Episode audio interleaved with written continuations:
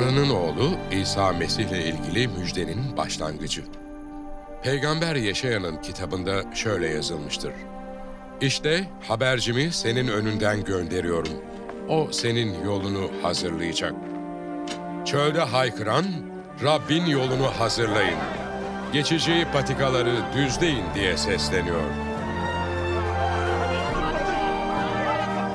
Böylece vaftizci Yahya çölde ortaya çıktı. İnsanları günahlarının bağışlanması için tövbe edip vaftiz olmaya çağırıyordu. Bütün Yahudiye halkı ve Yeruşalimlilerin hepsi ona geliyor, günahlarını itiraf ediyor, onun tarafından Şeria ırmağında vaftiz ediliyordu. Yahya'nın deve tüyünden giysisi, belinde deri kuşağı vardı. Çekirge ve yaban balığı yerdi. Şu haberi yayıyordu. Benden sonra benden daha güçlü olan geliyor. Eğilip onun çarıklarının bağını çözmeye bile layık değilim. Ben sizi suyla vaftiz ettim. Ama o sizi kutsal ruhla vaftiz edecektir.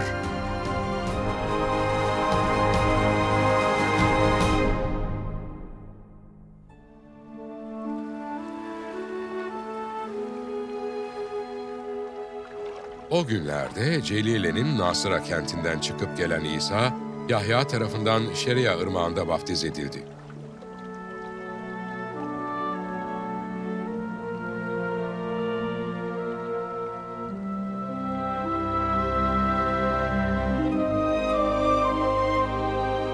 Tam sudan çıkarken göklerin yarıldığını ve ruhun güvercin gibi üzerine indiğini gördü.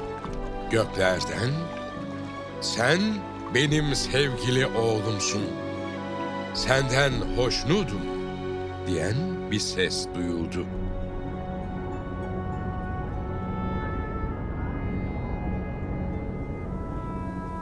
O an ruh İsa'yı çöle gönderdi. İsa çölde kaldığı 40 gün boyunca şeytan tarafından denendi. Yabanıl hayvanlar arasındaydı. Melekler ona hizmet ediyordu.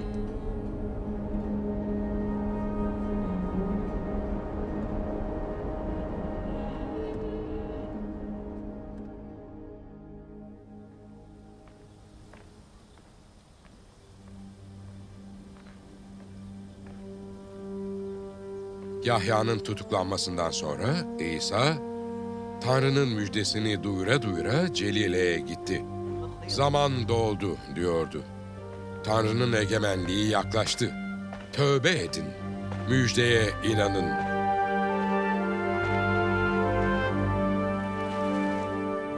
İsa Celile Gölü'nün kıyısından geçerken göle ağ atmakta olan Simon'la kardeşi Andreas'ı gördü. Bu adamlar balıkçıydı. İsa onlara ardımdan gelin dedi. Sizleri insan tutan balıkçılar yapacağım. Onlar da hemen ağlarını bırakıp onun ardından gittiler. İsa biraz ileri gidince Zebedi'nin oğulları Yakup'la Yuhanna'yı gördü. Teknede ağlarını onarıyorlardı. Hemen onları çağırdı. Onlar da babaları Zebedi'yi işçilerle birlikte teknede bırakıp İsa'nın ardından gittiler.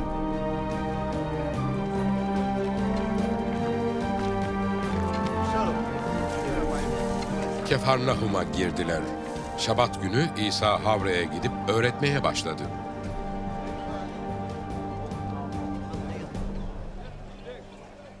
Halk onun öğretişine şaşıp kaldı. Çünkü onlara din bilginleri gibi değil, yetkili biri gibi öğretiyordu. Tam o sırada Havra'da bulunan ve kötü ruha tutulmuş bir adam, ''Ey Nasıralı İsa bizden ne istiyorsun?'' diye bağırdı. ''Bizi mahvetmeye mi geldin? Senin kim olduğunu biliyorum. Tanrı'nın kutsalısın sen.'' İsa, ''Sus, çık adamdan!'' diyerek kötü ruhu azarladı. Kötü ruh adamı sarstı ve büyük bir çığlık atarak içinden çıktı. Herkes şaşıp kaldı. Birbirlerine bu nasıl şey diye sormaya başladılar. Yepyeni bir öğreti. Kötü ruhlara bile yetkiyle buyruk veriyor, onlar da sözünü dinliyor. Böylece İsa ile ilgili haber Celile bölgesinin her yerine hızla yayıldı. İsa havradan çıkar çıkmaz Yakup ve Yuhanna ile birlikte Simon ve Andreas'ın evine gitti.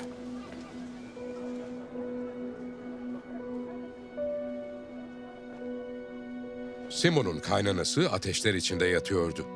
Durumu hemen İsa'ya bildirdiler. O da hastaya yaklaştı, elinden tutup kaldırdı. Kadının ateşi düştü. Onlara hizmet etmeye başladı.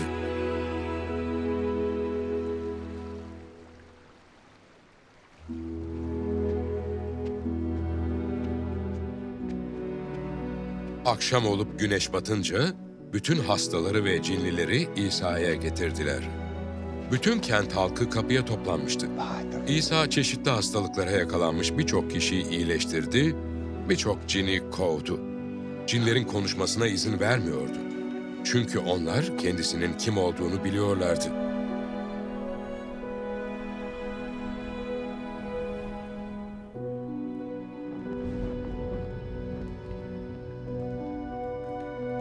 Sabah çok erkenden ortalık henüz ağarmadan İsa kalktı, evden çıkıp ıssız bir yere gitti, orada dua etmeye başladı.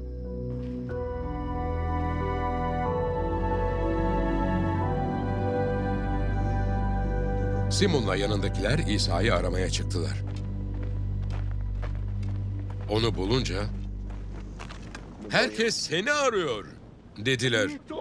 İsa onlara, "Başka yerlere, yakın kasabalara gidelim." dedi.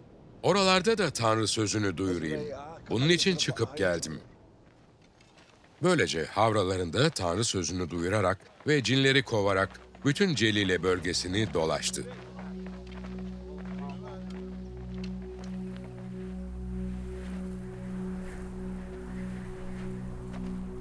İsa'ya cüzamlı biri geldi. Diz çökerek, "İstersen beni temiz kılabilirsin." diye yalvardı. İsa'nın yüreği sızladı. Elini uzatıp adama dokundu. "İsterim, temiz ol." dedi. Adam anında cüzamdan kurtulup tertemiz oldu. İsa onu sıkıca uyararak hemen yanından uzaklaştırdı. Sakın kimseye bir şey söyleme, dedi. Git, kahine görün ve cüzamdan temizlendiğini herkese kanıtlamak için Musa'nın buyurduğu sunuları sun.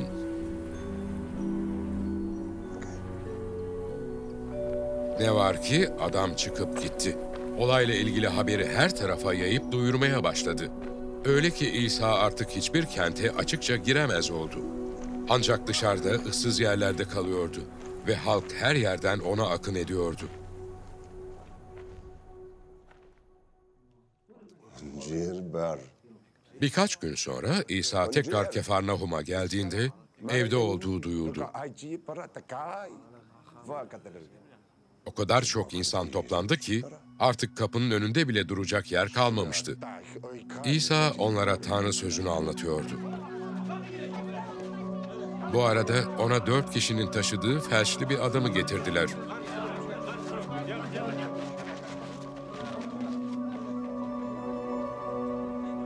Kalabalıktan ona yaklaşamadıkları için bulunduğu yerin üzerindeki damı delip açarak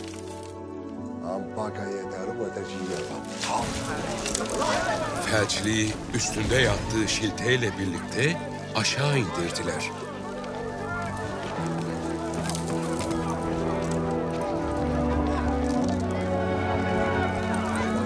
İsa onların imanını görünce felçliye, "Oğlum, günahların bağışlandı."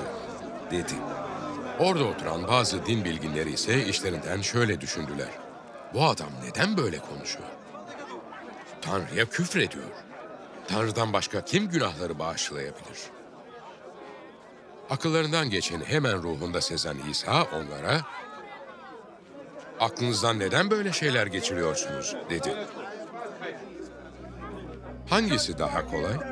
Felçliye günahların bağışlandı demek mi? Yoksa kalk şilteni topla yürü demek mi? Ne var ki insanoğlunun yeryüzünde günahları bağışlama yetkisine sahip olduğunu bilesiniz diye. Sonra felçliye sana söylüyorum. Kalk, şilteni topla, evine git. Dedi.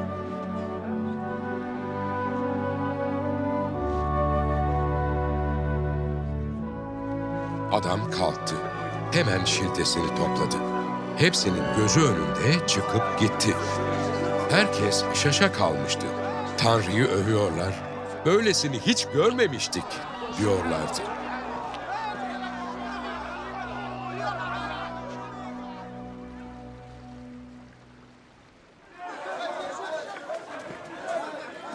İsa yine çıkıp göl kıyısına gitti. Bütün halk yanına geldi. O da onlara öğretmeye başladı.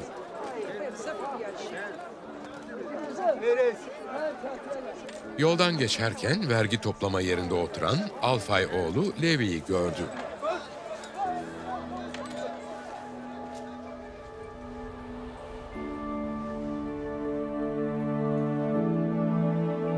Ona ardımdan gel dedi.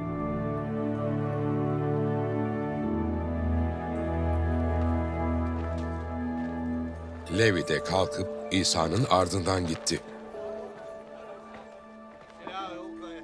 Sonra İsa Levi'nin evinde yemek yerken birçok vergi görevlisiyle günahkar onunla ve öğrencileriyle birlikte sofraya oturmuştu. Onu izleyen böyle birçok kişi vardı.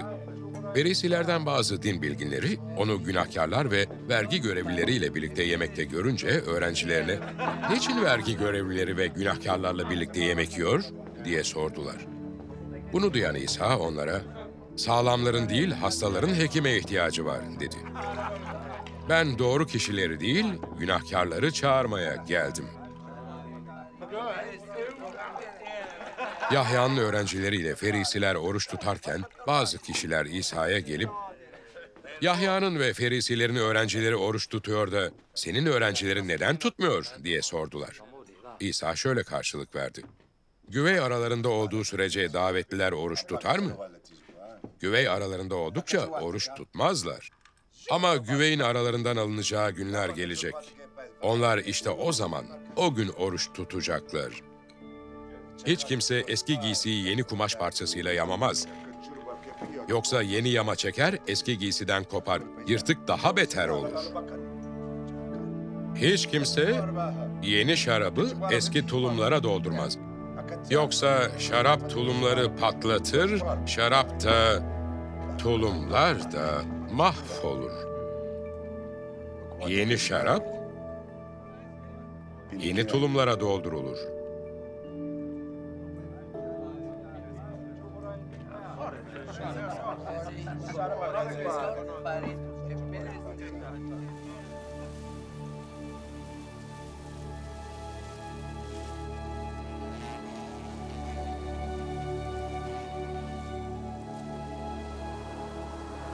Bir şabat günü İsa ekinler arasından geçiyordu. Öğrencileri yolda giderken başakları koparmaya başladılar. Ferisiler İsa'ya, "Bak, şabat günü yasak olanı neden yapıyorlar?" dediler. İsa onlara, "Davut'la yanındakiler aç ve muhtaç kalınca Davut'un ne yaptığını hiç okumadınız mı?" diye sordu. Başkahin Abiyatar'ın zamanında Davut, Tanrı'nın evine girdi. Kahinlerden başkasının yemesi yasak olan adak ekmeklerini yedi ve yanındakilere de verdi. Sonra onlara, insan şabat günü için değil, şabat günü insan için yaratıldı dedi. Bu nedenle insanoğlu şabat gününün de Rabbidir.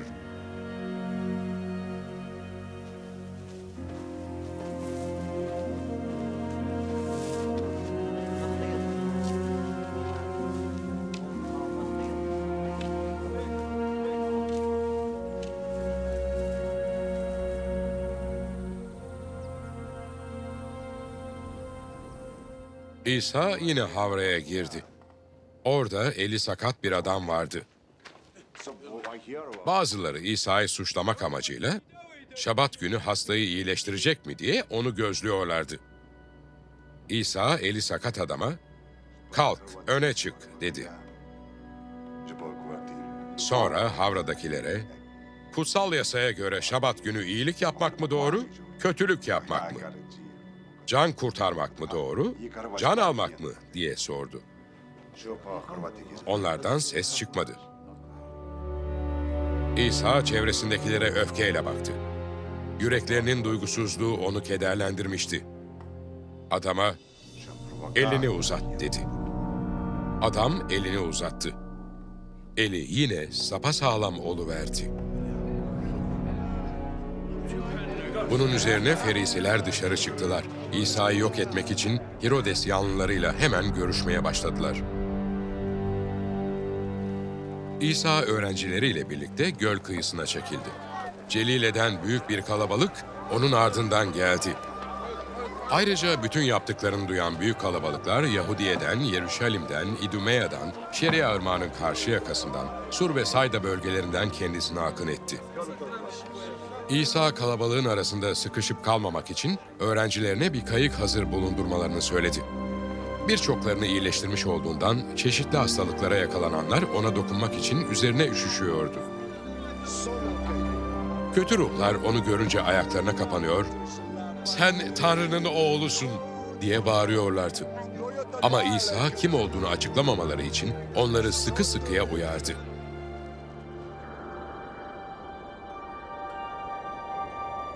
İsa dağa çıkarak istediği kişileri yanına çağırdı. Onlar da yanına gittiler. İsa bunlardan 12 kişiyi yanında bulundurmak, Tanrı sözünü duyurmaya göndermek ve cinleri kovmaya yetkili kılmak üzere seçti.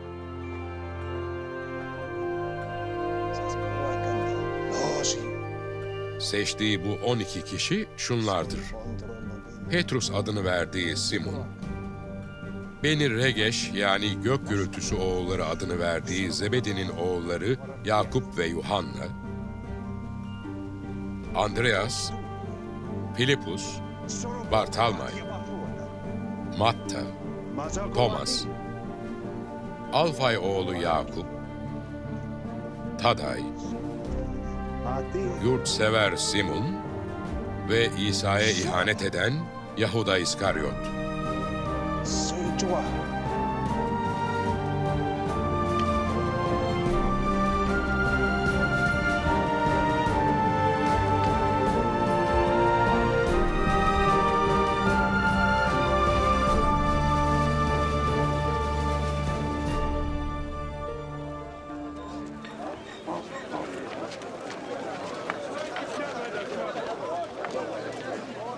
İsa bundan sonra eve gitti. Yine öyle büyük bir kalabalık toplandı ki İsa ile öğrencileri yemek bile yiyemediler. Yakınları bunu duyunca aklını kaçırmış diyerek onu almaya geldiler.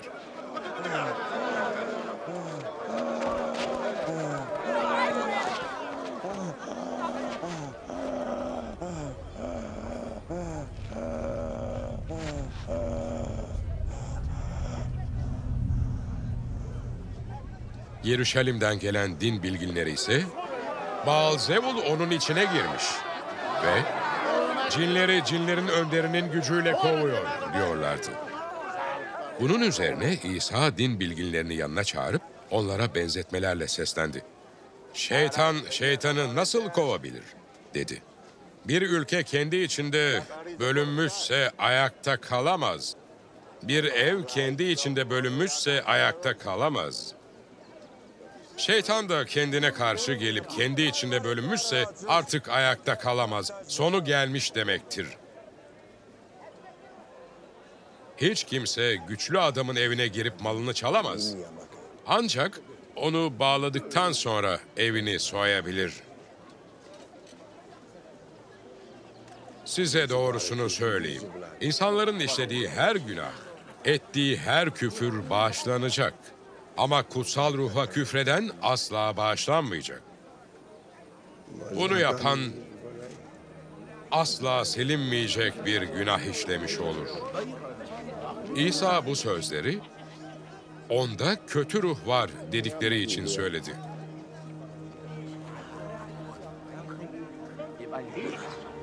Daha sonra İsa'nın annesiyle kardeşleri geldi.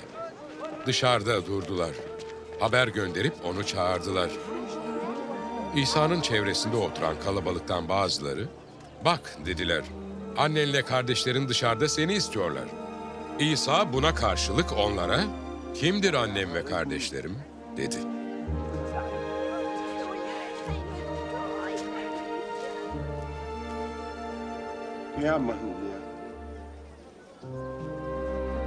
Sonra çevresinde oturanlara bakıp şöyle dedi.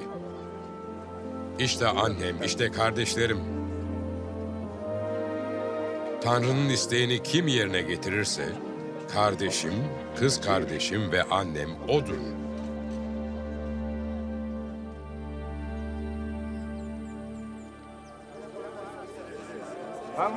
İsa göl kıyısında halka yine öğretmeye başladı. Çevresinde çok büyük bir kalabalık toplandı. Bu yüzden İsa göldeki bir tekneye binip oturdu. Bütün kalabalık göl kıyısında duruyordu. İsa onlara benzetmelerle birçok şey öğretiyordu.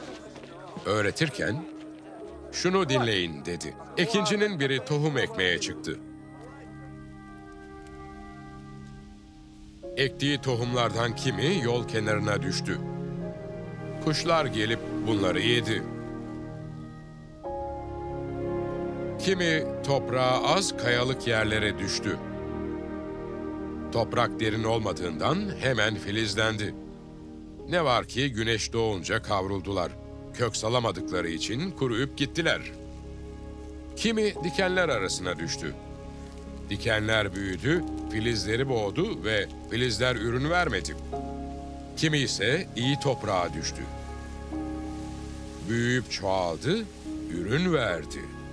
Bazısı 30, bazısı 60, bazısı da 100 kat ürün verdi. Sonra İsa şunu ekledi. İşitecek kulağı olan işitsin. 12'lerle öbür izleyicileri İsa ile yalnız kalınca kendisinden benzetmelerin anlamını sordular. O da onlara şöyle dedi. Tanrı'nın egemenliğinin sırrı sizlere açıklandı. Ama dışarıda olanlara her şey benzetmelerle anlatılır. Öyle ki bakıp bakıp görmesinler, duyup duyup anlamasınlar da dönüp bağışlanmasınlar. İsa sonra onlara, siz bu benzetmeyi anlamıyor musunuz dedi. Öyleyse bütün benzetmeleri nasıl anlayacaksınız? Ekincinin ektiği Tanrı sözüdür. Bazı insanlar sözün ekildiği yerde yol kenarına düşen tohumlara benzer. Bunlar sözü işitir işitmez, şeytan gelir, yüreklerine ekilen sözü alır götürür. Kayalık yerlere ekilenlerse işittikleri sözü hemen sevinçle kabul eden ama kök salamadıkları için ancak bir süre dayanan kişilerdir. Böyleleri Tanrı sözünden ötürü sıkıntı ya da zulme uğrayınca hemen sendeleyip düşerler. Yine bazıları dikenler arasında ekilen tohumlara benzerler. Bunlar sözü işitirler ama dünyasal kaygılar, zenginliğin aldatıcılığı ve daha başka hevesler araya girip sözü boğar ve ürün vermesini engeller. İyi toprağa ekilenlerse sözü işiten, onu benimseyen, kimi otuz, kimi altmış, kimi de yüz kat ürün veren kişilerdir. Onlara kandili tahıl ölçeğinin ya da yatağın altına koymak için mi getirirler dedi. Kandilliğe koymak için değil mi? Gizli olan ne varsa açığa çıkarılmak üzere gizlenmiştir. Saklı olan ne varsa aydınlığa çıkmak üzere saklanmıştır. İşitecek kulağı olan işitsin. İsa şöyle devam etti. İşittiklerinize dikkat edin. Hangi ölçekte verirseniz aynı ölçekle alacaksınız. Hatta size daha fazlası verilecek. Çünkü kimde varsa ona daha çok verilecek. Ama kimde yoksa elindeki de alınacak. Sonra İsa şöyle dedi. Tanrı'nın egemenliği toprağa tohum saçan adama benzer. Gece olur, uyur. Gündüz olur, kalkar. Kendisi nasıl olduğunu bilmez ama tohum filizlenir, gelişir. Toprak kendiliğinden ürün verir. Önce filizi, sonra başağı, sonunda da başağı dolduran taneleri verir. Ürün olgunlaşınca adam hemen orağa vurur. Çünkü biçim vakti gelmiştir. İsa sonra şöyle dedi. Tanrı'nın egemenliğini neye benzetelim? Nasıl bir benzetmeyle anlatalım? Tanrı'nın egemenliği hardal tanesine benzer. Hardal yeryüzünde toprağa ekilen tohumların en küçüğü olmakla birlikte ekildikten sonra gelişir, bütün bahçe bitkilerinin boyunu aşar. Öylesine dal budaksalar ki kuşlar gölgesinde barınabilir. İsa Tanrı sözünü buna benzer birçok benzetmeyle halkın anlayabildiği ölçüde anlatırdı. Benzetme kullanmadan onlara hiçbir şey anlatmazdı. Ama kendi öğrencileriyle yalnız kaldığında onlara her şeyi açıklardı. O gün akşam olunca öğrencilerine karşı yakaya geçelim dedi. Öğrenciler kalabalığı geride bırakarak İsa'yı içinde bulunduğu tekneyle götürdüler. Yanında başka tekneler de vardı. Bu sırada büyük bir fırtına koptu. Dalgalar tekneye öyle bindirdi ki tekne neredeyse suyla dolmuştu.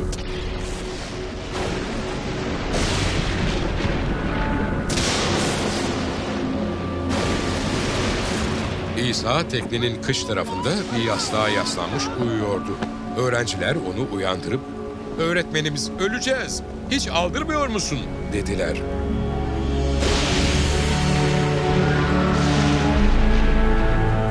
İsa kalkıp rüzgarı azarladı. Göle "Sus! Sakin ol!" dedi.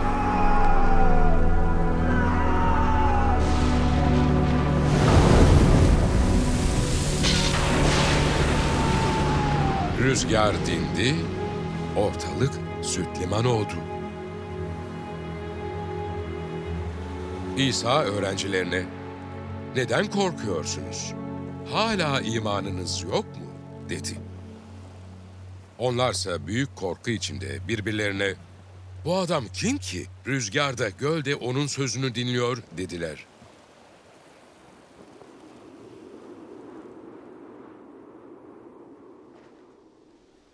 Gölün karşı yakasına Gerasalıların memleketine vardılar.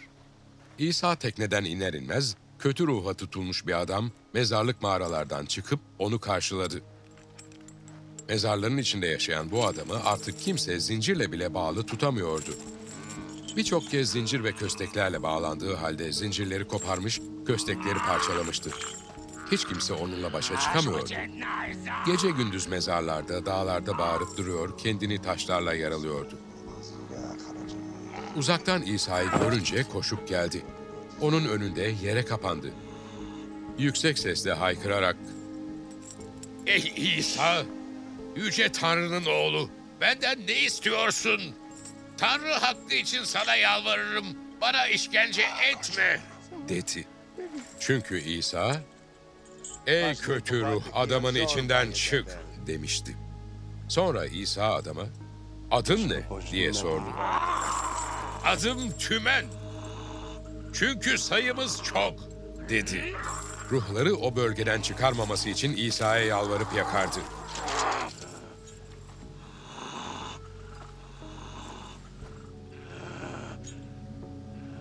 Orada dağın yamacında otlayan büyük bir domuz sürüsü vardı. Kötü ruhlar İsa'ya Bizi şu domuzlara gönder, onlara girelim. Diye yalvardılar. İsa'nın izin vermesi üzerine kötü ruhlar adamdan çıkıp domuzların içine girdiler. Yaklaşık 2000 domuzdan oluşan sürü dik yamaçtan aşağı koşuşarak göle atlayıp boğuldu. Domuzları güdenler kaçıp kentte ve köylerde olayın haberini yaydılar. Halk olup biteni görmeye çıktı. İsa'nın yanına geldiklerinde önceleri bir tümencine tutulan adamı giyinmiş, aklı başına gelmiş, oturmuş görünce korktular. Olayı görenler cinli adama olanları ve domuzların başına gelenleri halka anlattılar. Bunun üzerine halk bölgelerinden ayrılması için İsa'ya yalvarmaya başladı.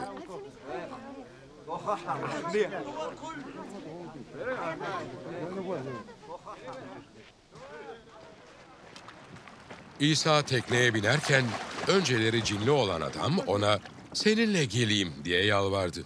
Ama İsa adama izin vermedi. Ona evine yakınlarının yanına dön dedi. Rabbin senin için neler yaptığını, sana nasıl merhamet ettiğini onlara anlat. Adam da gitti. İsa'nın kendisi için neler yaptığını Dekapolis'te duyurmaya başladı. Anlattıklarını herkes şaşıp kalıyordu.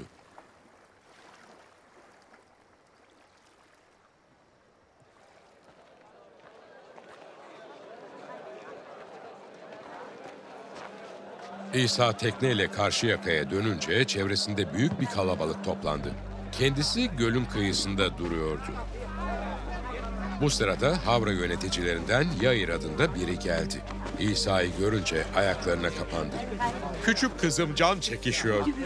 Gelip ellerini onun üzerine koy da kurtulsun, yaşasın. diye yalvardı. İsa adamla birlikte gitti. Büyük bir kalabalık da ardından gidiyor, onu sıkıştırıyordu. Orada 12 yıldır kanaması olan bir kadın vardı. Birçok hekimin elinden çok çekmiş, varını yoğunu harcamış ama iyileşeceğine daha da kötüleşmişti. Kadın İsa hakkında anlatılanları duymuştu. Bu nedenle kalabalıkta onun arkasından gelip giysisine dokundu. İçinden giysilerine bile dokunsam kurtulurum diyordu. O anda kanaması kesiliverdi. Kadın bedeninin derinliğinde acıdan kurtulduğunu hissetti.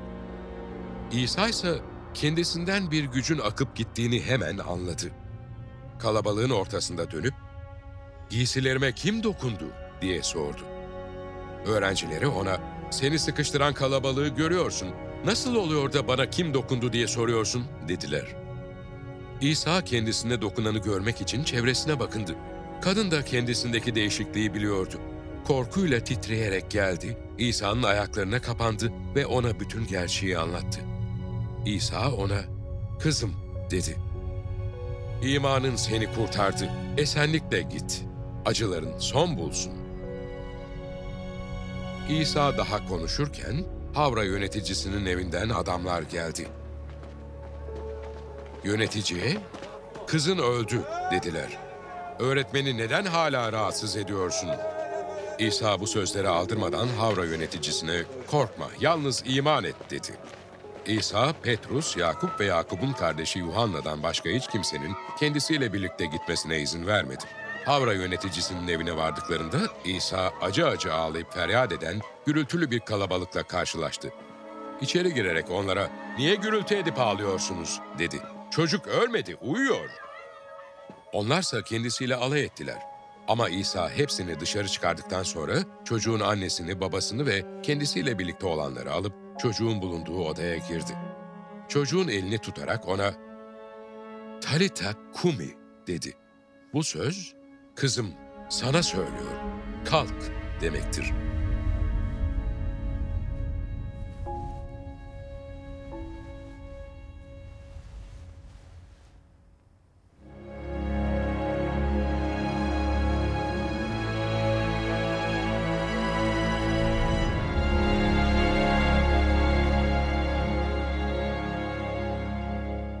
...12 yaşında olan kız hemen ayağa kalktı, yürümeye başladı.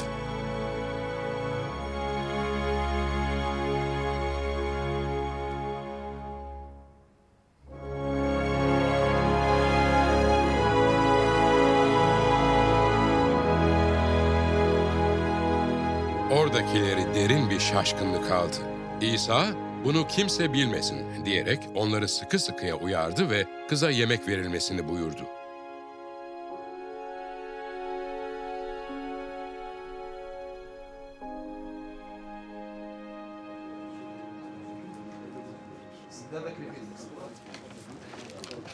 İsa oradan ayrılarak kendi memleketine gitti. Öğrencileri de ardından gittiler. Şabat günü olunca İsa Havra'da öğretmeye başladı. Söylediklerini işiten birçok kişi şaşıp kaldı. Bu adam bunları nereden öğrendi diye soruyorlardı. Kendisine verilen bu bilgelik nedir? Nasıl böyle mucizeler yapabiliyor? Meryem'in oğlu Yakup, Yose, Yahuda ve Simon'un kardeşi olan marangoz değil mi bu? Kız kardeşleri burada aramızda yaşamıyor mu? Ve gücenip onu reddettiler. İsa da onlara, Bir peygamber kendi memleketinden, akraba çevresinden ve kendi evinden başka yerde hor görülmez dedi. Orada birkaç hastayı üzerlerine ellerini koyarak iyileştirmekten başka hiçbir mucize yapamadı. Halkın imansızlığına şaşıyordu. İsa çevredeki köyleri dolaşıp öğretiyordu. 12 öğrencisini yanına çağırdı ve onları ikişer ikişer halk arasına göndermeye başladı. Onlara kötü ruhlar üzerinde yetki verdi. Yolculuk için yanlarına değnekten başka bir şey almamalarını söyledi. Ne ekmek, ne torba, ne de kuşaklarında para götüreceklerdi. Onlara çarık giymelerini söyledi. Ama iki mintan giymeyin dedi. Bir yere gittiğiniz zaman oradan ayrılıncaya dek hep aynı evde kalın diye devam etti. İnsanların sizi kabul etmedikleri, sizi dinlemedikleri bir yerden ayrılırken onlara uyarı olsun diye ayağınızın altındaki tozu silkin. Böylece öğrenciler yola çıkıp insanları tövbeye çağırmaya başladılar. Birçok cin kovdular, birçok hastayı üzerlerine yağ sürerek iyileştirdiler.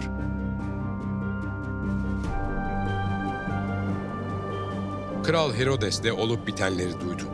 Çünkü İsa'nın ünü her tarafa yayılmıştı. Bazıları bu adam ölümden dirilen vaftizci Yahya'dır. Olağanüstü güçlerin onda etkin olmasının nedeni budur diyordu. Başkaları o İlyas'tır diyor. Yine başkaları eski peygamberlerden biri gibi bir peygamberdir diyordu. Herodes bunları duyunca başını kestirdiğim Yahya dirildi dedi. Herodes'in kendisi, kardeşi Filipus'un karısı Herodia'nın yüzünden adam gönderip Yahya'yı tutuklatmış, zindana attırıp zincire vurdurmuştu. Çünkü Herodes bu kadınla evlenince Yahya ona kardeşinin karısıyla evlenmen kutsal yasaya aykırıdır demişti.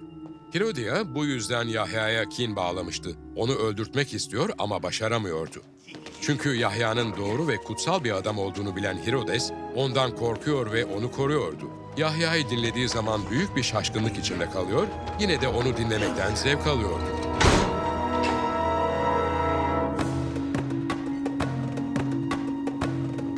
Ne var ki Herodes'in kendi doğum gününde saray büyükleri, komutanlar ve Celile'nin ileri gelenleri için verdiği şölende beklenen fırsat doğdu. Herodia'nın kızı içeri girip dans etti. Bu Herodes'le konuklarının hoşuna gitti. Kral genç kıza, "Dile benden ne dilersen veririm." dedi. And içerek, "Benden ne dilersen krallığımın yarısı da olsa veririm." dedi.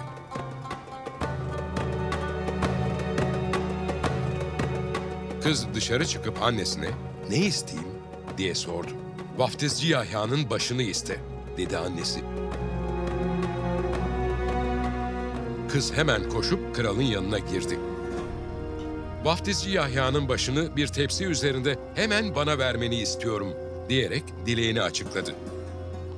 Kral buna çok üzüldüyse de konuklarının önünde içtiği anttan ötürü kızı reddetmek istemedi. Hemen bir cellat gönderip Yahya'nın başını getirmesini buyurdu.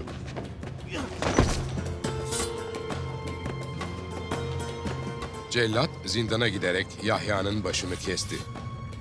Kesik başı bir tepsi üzerinde getirip genç kıza verdi, kız da annesine götürdü.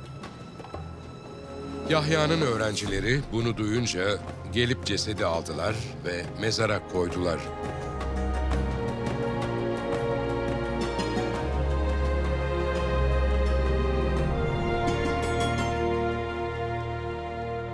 Elçiler İsa'nın yanına dönerek yaptıkları ve öğrettikleri her şeyi ona anlattılar. İsa onlara, gelin tek başımıza tenha bir yere gidelim de biraz dinlenin dedi. Gelen giden öyle çoktu ki yemek yemeye bile vakit bulamıyorlardı. Tekneye binip tek başlarına tenha bir yere doğru yol aldılar. Gittiklerini gören birçok kişi onları tanıdı. Halk civardaki bütün kentlerden yaya olarak yola dökülüp onlardan önce oraya vardı. İsa tekneden inince büyük bir kalabalıkla karşılaştı. Çobansız koyunlara benzeyen bu insanlara acıdı ve onlara birçok konuda öğretmeye başladı. Vakit ilerlemişti. Öğrencileri İsa'ya gelip, "Burası ıssız bir yer." dediler. Vakit de ilerledi. Halkı salıver de çevredeki çiftlik ve köylere gidip kendilerine yiyecek alsınlar. İsa ise onlara siz yiyecek verin diye karşılık verdi.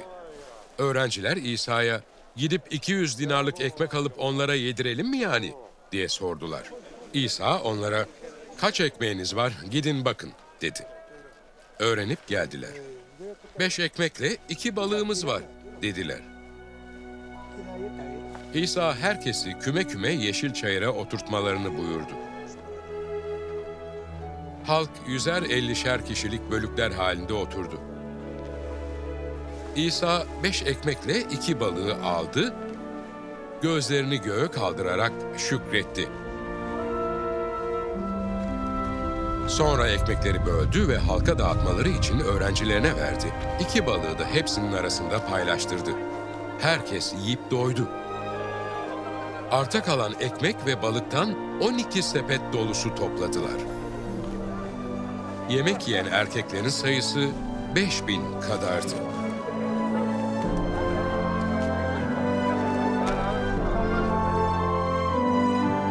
Bundan hemen sonra İsa öğrencilerine tekneye binip kendisinden önce karşı yakada bulunan Beysayda'ya geçmelerini buyurdu. Bu arada kendisi halkı evlerine gönderecekti. Onları uğurladıktan sonra dua etmek için dağa çıktı. Akşam olduğunda tekne gölün ortasına varmıştı. Yalnız başına karada kalan İsa, öğrencilerinin kürek çekmekte çok zorlandıklarını gördü. Çünkü rüzgar onlara karşı esiyordu. Sabaha karşı İsa gölün üstünde yürüyerek onlara yaklaştı. Yanlarından geçip gidecekti. Onlarsa gölün üstünde yürüdüğünü görünce onu hayalet sanarak bağırıştılar. Hepsi onu görmüş ve dehşete kapılmıştı. İsa hemen onlara seslenerek, ''Cesur olun, benim, korkmayın.'' dedi. Tekneye binip onlara katılınca rüzgar dindi. Onlarsa büyük bir şaşkınlık içindeydi. Ekmekle ilgili mucizeyi bile anlamamışlardı. Zihinleri körelmişti.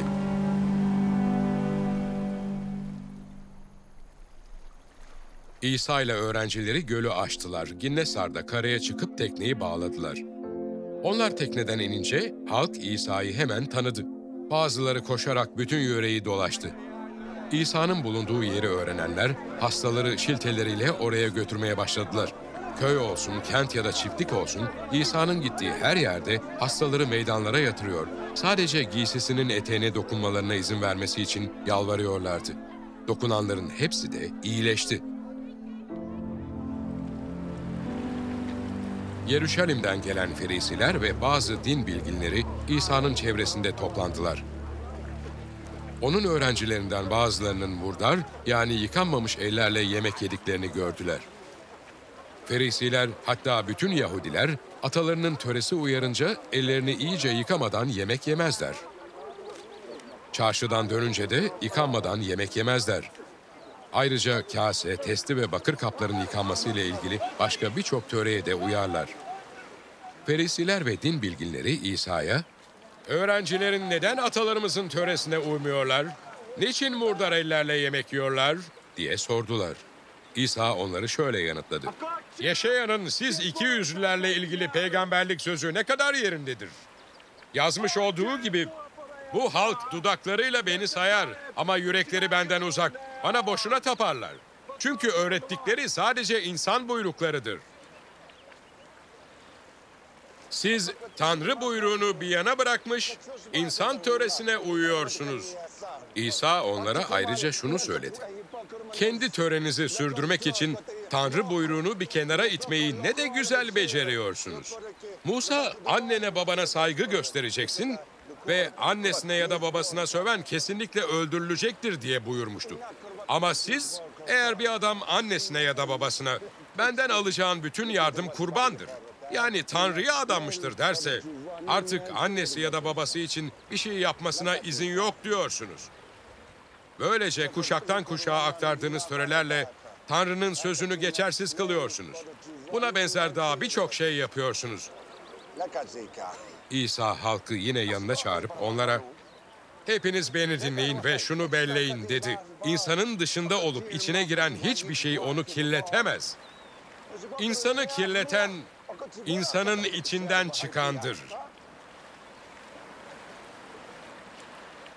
İsa kalabalığı bırakıp eve girince öğrencileri ona bu benzetmenin anlamını sordular. O da onlara "Demek siz de anlamıyorsunuz öyle mi?" dedi. Dışarıdan insanın içine giren hiçbir şeyin onu kirletemeyeceğini bilmiyor musunuz? Dıştan giren insanın yüreğine değil, midesine gider. Oradan da helaya atılır. İsa bu sözlerle bütün yiyeceklerin temiz olduğunu bildirmiş oluyordu. İsa şöyle devam etti. İnsanı kirleten insanın içinden çıkandır. Çünkü kötü düşünceler, fuş, hırsızlık, cinayet, zina, açgözlülük, kötülük, hile, sefaat, kıskançlık, iftira, kibir ve akılsızlık içten, insanın yüreğinden kaynaklanır.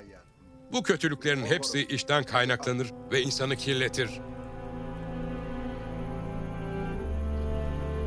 İsa oradan ayrılarak Sur bölgesine gitti. Burada bir eve girdi. Kimsenin bunu bilmesini istemiyordu ama gizlenemedi. Küçük kızı kötü ruha tutulmuş bir kadın İsa ile ilgili haberi duyar duymaz geldi, ayaklarına kapandı. Yahudi olmayan bu kadın Suriye Fenike ırkındandı. Kızından cini kovması için İsa'ya rica etti. İsa ona bırak önce çocuklar doysunlar dedi. Çocukların ekmeğini alıp köpeklere atmak doğru değildir. Kadın buna karşılık haklısın Rab dedi. Ama köpekler de sofranın altında çocukların ekmek kırıntılarını yer. İsa ona bu sözden ötürü cin kızından çıktı. Gidebilirsin dedi. Kadın evine gittiğinde çocuğunu cinden kurtulmuş yatakta yatar buldu.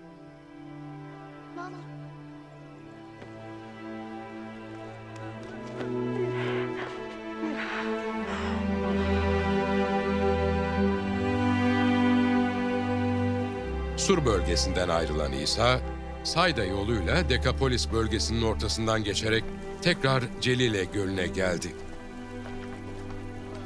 Ona sağır ve dili tutuk bir adam getirdiler. Elini üzerine koyması için yalvardılar.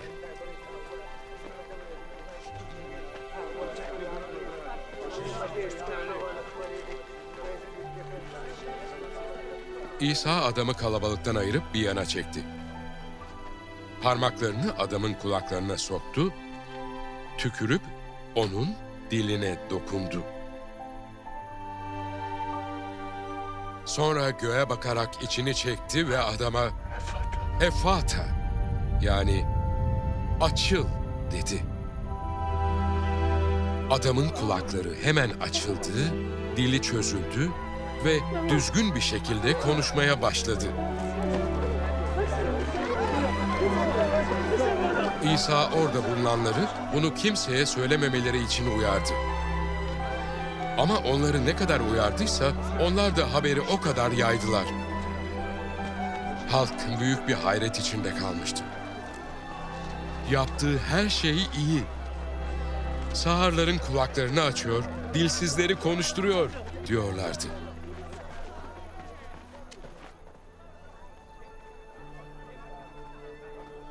O günlerde yine büyük bir kalabalık toplanmıştı.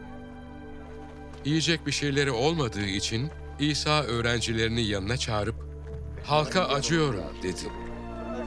Üç gündür yanımdalar. Yiyecek hiçbir şeyleri yok. Onları aç aç evlerine gönderirsem yolda bayılırlar. Hem bazıları uzak yoldan geliyor. Öğrencileri buna karşılık böyle ıssız bir yerde bu kadar kişiyi doyuracak ekmeği insan nereden bulabilir dediler. İsa kaç ekmeğiniz var diye sordu. Yedi tane dediler.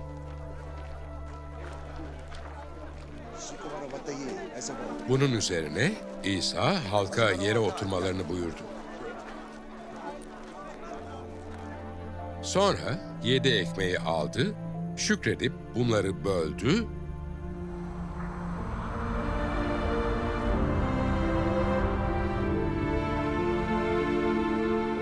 dağıtmaları için öğrencilerine verdi. Onlar da halka dağıttılar. Birkaç küçük balıkları da vardı. İsa şükredip bunları da dağıtmalarını söyledi.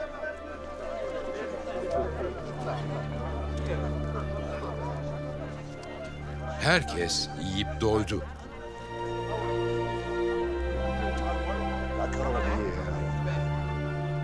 Arta kalan parçalardan yedi küfe dolusu topladılar.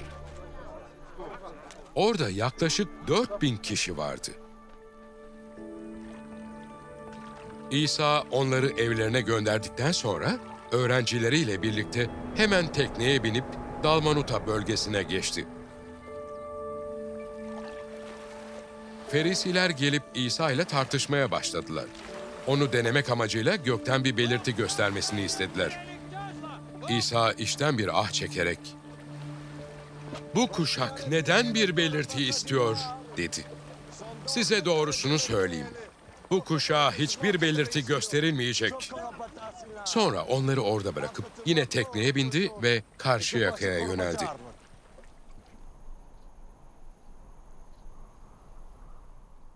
Öğrenciler ekmek almayı unutmuşlardı. Teknede yanlarında yalnız bir ekmek vardı. İsa onlara şu uyarıda bulundu. Dikkatli olun. Ferisilerin mayasından ve Hirodes'in mayasından sakının. Onlarsa kendi aralarında ekmeğimiz olmadığı için böyle diyor şeklinde tartıştılar. Bunun farkında olan İsa, ekmeğiniz yok diye niçin tartışıyorsunuz dedi. Hala akıl erdiremiyor, anlamıyor musunuz? Zihniniz köreldi mi? Gözleriniz olduğu halde görmüyor musunuz? Kulaklarınız olduğu halde işitmiyor musunuz? Hatırlamıyor musunuz? Beş ekmeği beş bin kişiye bölüştürdüğümde kaç sepet dolusu yemek fazlası topladınız? On iki dediler. Yedi ekmeği dört bin kişiye bölüştürdüğümde kaç küfe dolusu yemek fazlası topladınız? Yedi dediler. İsa onlara, hala anlamıyor musunuz? dedi.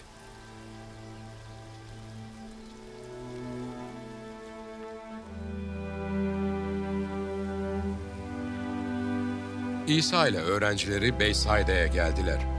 Orada bazı kişiler İsa'ya kör bir adam getirip ona dokunması için yalvardılar. İsa körün elinden tutarak onu köyün dışına çıkardı.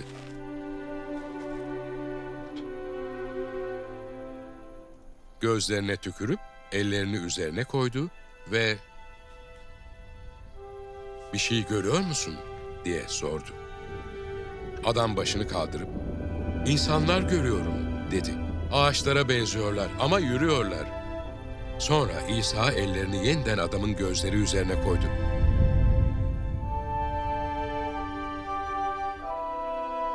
Adam gözlerini açtı, baktı.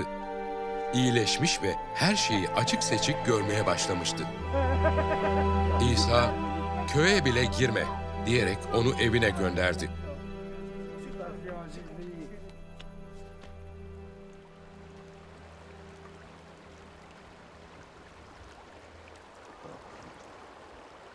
İsa öğrencileriyle birlikte Filipus Sezariyesine bağlı köylere gitti. Yolda öğrencilerine "Halk benim kim olduğumu söylüyor?" diye sordu. Öğrencileri ona şu karşılığı verdiler. "Vaftizci Yahya diyorlar. Ama kimi İlyas, kimi de peygamberlerden biri olduğunu söylüyor." O da onlara "Siz ne dersiniz? Sizce ben kimim?" diye sordu. Petrus, "Sen Mesih'sin." yanıtını verdi. Bunun üzerine İsa bu konuda kimseye bir şey söylememeleri için onları uyardı.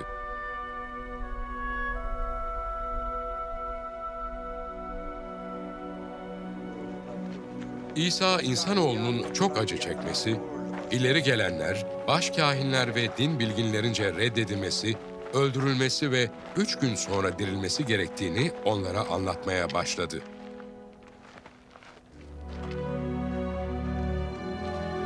Bunları açıkça söylüyordu. Bunun üzerine Petrus onu bir kenara çekip azarlamaya başladı.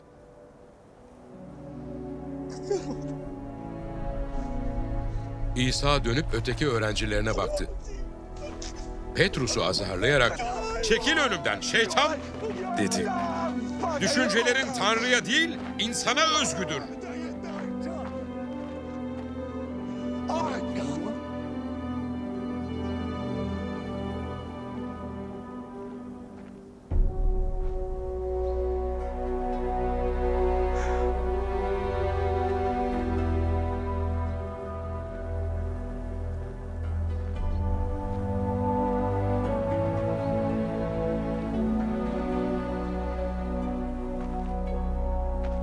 Öğrencileriyle birlikte halkı da yanına çağırıp şöyle konuştu. Ardımdan gelmek isteyen kendini inkar etsin. Çarmıhını yüklenip beni izlesin. Canını kurtarmak isteyen onu yitirecek. Canını benim ve müjdenin uğruna yitirense onu kurtaracaktır. İnsan bütün dünyayı kazanıp da canından olursa bunun kendisine ne yararı olur? İnsan kendi canına karşılık ne verebilir? Bu vefasız ve günahkar kuşağın ortasında kim benden ve benim sözlerimden utanırsa, insanoğlu da babasının görkemi içinde kutsal meleklerle birlikte geldiğinde o kişiden utanacaktır. İsa, size doğrusunu söyleyeyim diye devam etti. Burada bulunanlar arasında Tanrı egemenliğinin güçlü biçimde gerçekleştiğini görmeden ölümü tatmayacak olanlar var.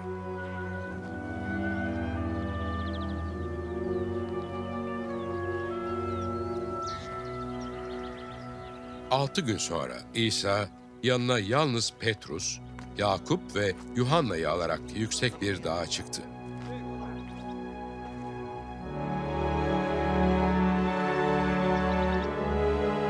Onların gözü önünde İsa'nın görünümü değişti. Giysileri göz kamaştırıcı bir beyazlığa büründü.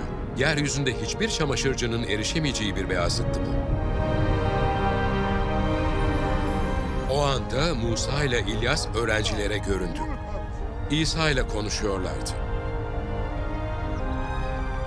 Petrus İsa'ya, Rabbi, burada bulunmamız ne iyi oldu. Üç çardak kuralım. Biri sana, biri Musa'ya, biri de İlyas'a dedi. Ne söyleyeceğini bilmiyordu çünkü çok korkmuşlardı. Bu sırada bir bulut gelip onlara gölge saldı. Buluttan gelen bir ses, "Sevgili oğlum budur. Onu dinleyin." dedi. Öğrenciler birden çevrelerine baktılar ama bu kez yanlarında İsa'dan başka kimseyi göremediler. Dağdan inerlerken İsa, insanoğlu ölümden dirilmeden orada gördüklerini hiç kimseye söylememeleri için onları uyardı. Bu uyarıya uymakla birlikte kendi aralarında ölümden dirilmek ne demek diye tartışıp durdular. İsa'ya din bilginleri neden önce İlyas'ın gelmesi gerektiğini söylüyorlar diye sordular. O da onlara şöyle dedi. Gerçekten de önce İlyas gelir ve her şeyi yeniden düzene koyar. Ama nasıl oluyor da insanoğlunun çok acı çekeceği ve hiçe sayılacağı yazılmıştır? Size şunu söyleyeyim. İlyas geldi bile.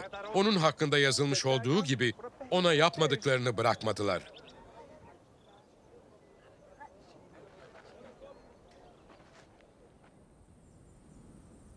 Öteki öğrencilerin yanına döndüklerinde onların çevresinde büyük bir kalabalığın toplandığını, bir takım din bilginlerinin onlarla tartıştığını gördüler.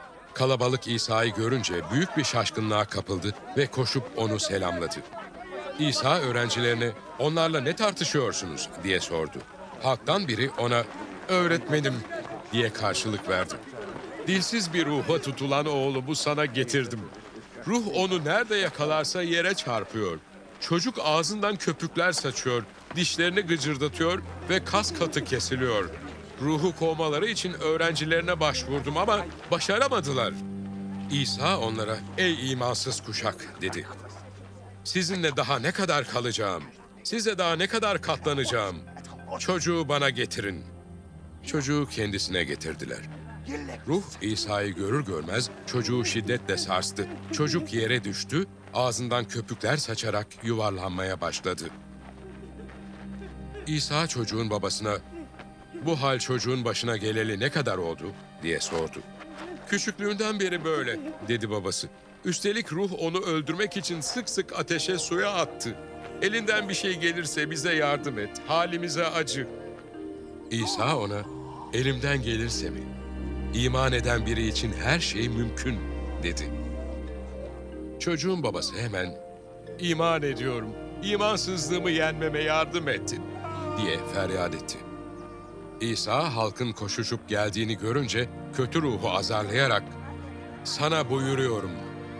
Dilsiz ve sağır ruh, çocuğun içinden çık ve ona bir daha girme dedi. Bunun üzerine ruh bir çığlık attı ve çocuğu şiddetle sarsarak çıktı. Çocuk ölü gibi hareketsiz kaldı. Öyle ki oradakilerin birçoğu öldü diyordu. Ama İsa elinden tutup kaldırınca çocuk ayağa kalktı.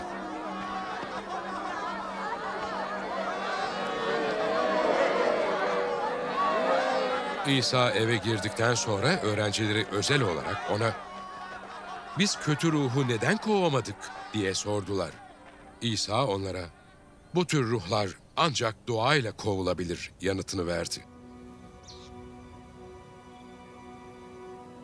Oradan ayrılmış Celile bölgesinden geçiyorlardı. İsa hiç kimsenin bunu bilmesini istemiyordu. Öğrencilerine öğretirken şöyle diyordu.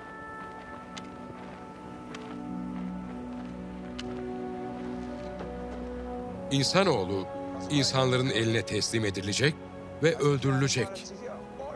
Ama öldürüldükten üç gün sonra dirilecek. Onlar bu sözleri anlamıyor, İsa'ya soru sormaktan da korkuyorlardı.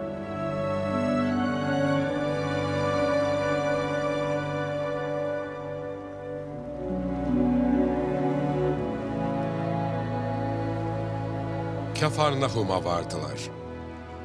Eve girdikten sonra İsa onlara "Yolda neyi tartışıyordunuz?" diye sordu. Hiçbirinden ses çıkmadı. Çünkü yolda aralarında kimin en büyük olduğunu tartışmışlardı. İsa oturup on ikileri yanına çağırdı. Onlara şöyle dedi. Birinci olmak isteyen en sonuncu olsun. Herkesin hizmetkarı olsun. Küçük bir çocuğu alıp ortaya yere dikti. Sonra onu kucağına alarak onlara şöyle dedi. Böyle bir çocuğu benim adım uğruna kabul eden beni kabul etmiş olur. Beni kabul eden de beni değil, beni göndereni kabul etmiş olur. Yuhanna ona öğretmenim dedi.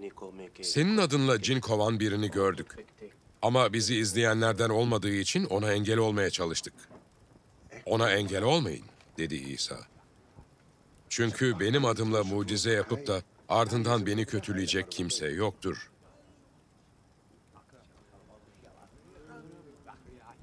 Bize karşı olmayan bizden yanadır. Size doğrusunu söyleyeyim. Mesleğe ait olduğunuz için sizlere bir bardak su veren ödülsüz kalmayacaktır.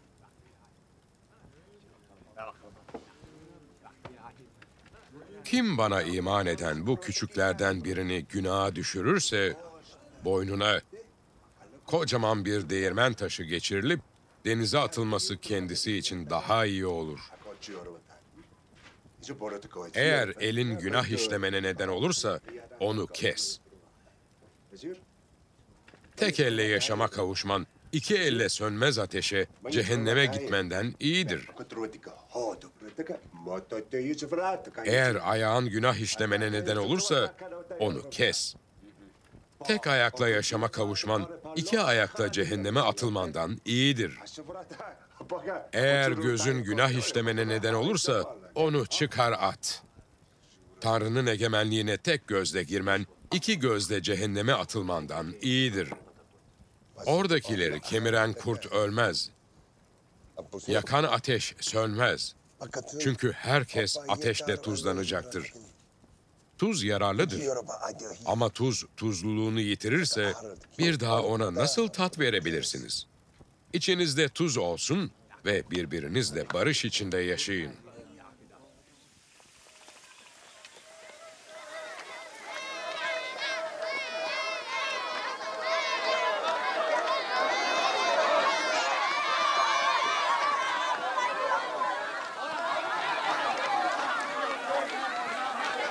İsa oradan ayrılıp Yahudiye'nin Şeria ırmağının karşı yakasındaki topraklarına geçti.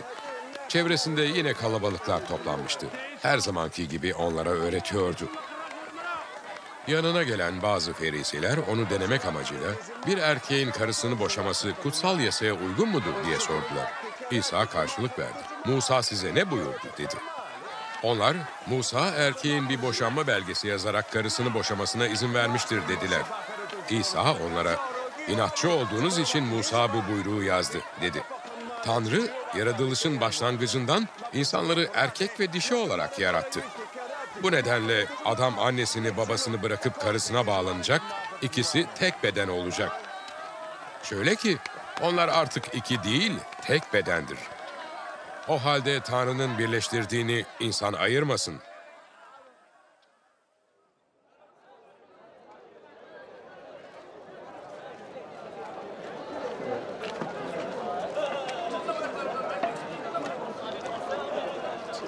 Öğrencileri evde ona yine bu konuyla ilgili bazı sorular sordular. İsa onlara, karısını boşayıp başkasıyla evlenen, karısına karşı zina etmiş olur dedi. Kocasını boşayıp başkasıyla evlenen kadın da zina etmiş olur.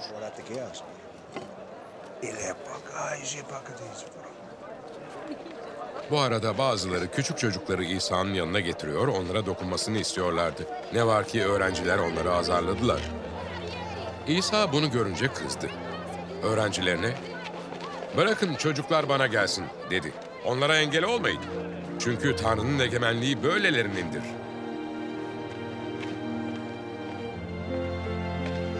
Size doğrusunu söyleyeyim. Tanrı'nın egemenliğini bir çocuk gibi kabul etmeyen bu egemenliğe asla giremez. Çocukları kucağına aldı, ellerini üzerlerine koyup onları kutsadı.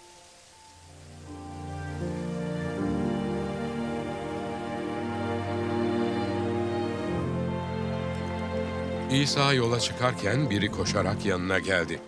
Önünde diz çöküp ona, "İyi öğretmenim, sonsuz yaşama kavuşmak için ne yapmalıyım?" diye sordu. İsa, "Bana neden iyi diyorsun?" dedi. İyi olan yalnız biri var, o da Tanrı'dır. Onun buyruklarını biliyorsun. Adam öldürmeyeceksin, zina etmeyeceksin, çalmayacaksın, yalan yere tanıklık etmeyeceksin, kimsenin hakkını yemeyeceksin, annene babana saygı göstereceksin. Adam, öğretmenim, bunların hepsini gençliğimden beri yerine getiriyorum, dedi. Ona sevgiyle bakan İsa, bir eksiğin var, dedi.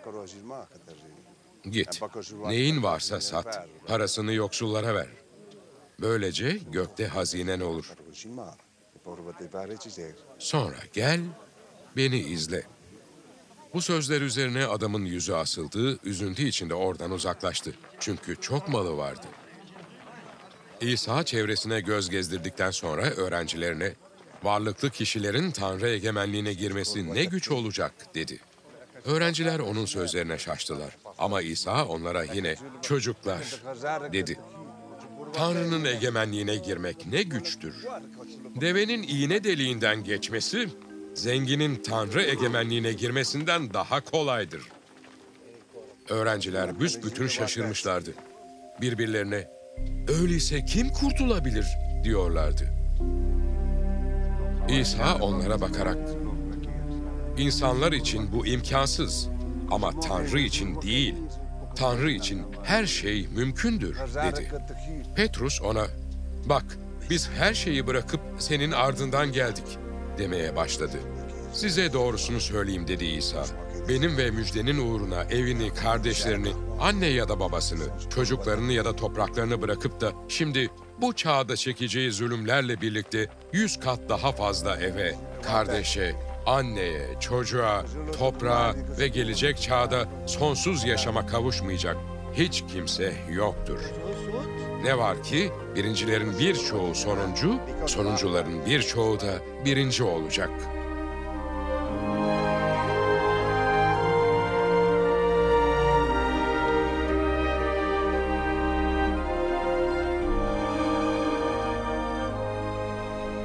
Yola çıkmış Yeruşalim'e gidiyorlardı. İsa önlerinde yürüyordu. Öğrencileri şaşkınlık içindeydi. Ardından gelenlerse korkuyorlardı. İsa 12'leri yine bir yana çekip kendi başına gelecekleri anlatmaya başladı. Şimdi Yeruşalim'e gidiyoruz dedi. İnsanoğlu baş kahinlerin ve din bilginlerinin eline teslim edilecek. Onlar da onu ölüm cezasına çarptıracak ve öteki uluslara teslim edecekler. Onunla alay edecek, üzerine tükürecek ve onu kamçılayıp öldürecekler. Ne var ki o üç gün sonra dirilecek.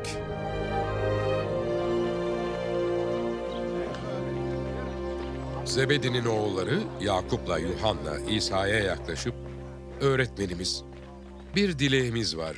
Bunu yapmanı istiyoruz." dediler. İsa onlara "Sizin için ne yapmamı istiyorsunuz?" diye sordu. Sen yüceliğine kavuşunca birimize sağında, ötekimize de solunda oturma ayrıcalığını ver dediler. Siz ne dilediğinizi bilmiyorsunuz dedi İsa. Benim içeceğim kaseden siz içebilir misiniz? Benim vaftiz olacağım gibi siz de vaftiz olabilir misiniz?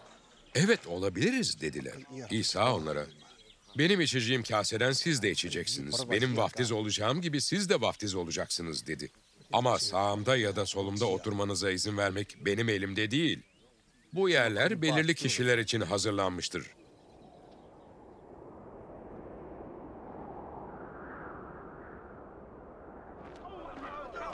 Bunu işiten on öğrenci Yakup'la Yuhanna'ya kızmaya başladılar. İsa onları yanına çağırıp şöyle dedi. Bilirsiniz ki ulusların önderleri sayılanlar onlara egemen kesilir, ileri gelenleri de onlara ağırlıklarını hissettirirler. Sizin aranızda böyle olmayacak. Aranızda büyük olmak isteyen ötekilerin hizmetkarı olsun. Aranızda birinci olmak isteyen hepinizin kulu olsun. Çünkü insanoğlu bile hizmet edilmeye değil, hizmet etmeye ve canını birçokları için fidye olarak vermeye geldi.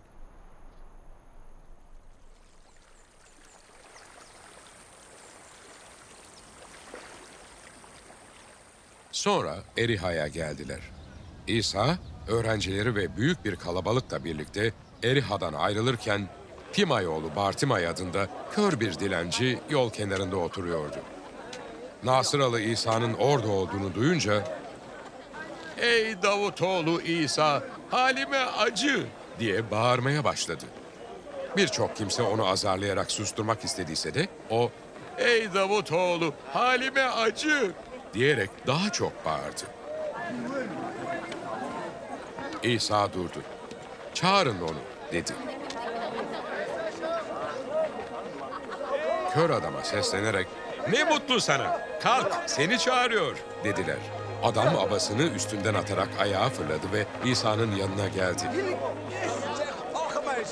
İsa, senin için ne yapmamı istiyorsun diye sordu. Kör adam, Rabbuni gözlerim görsün dedi.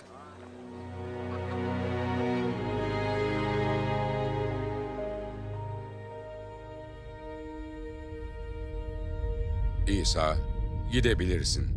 İmanın seni kurtardı dedi.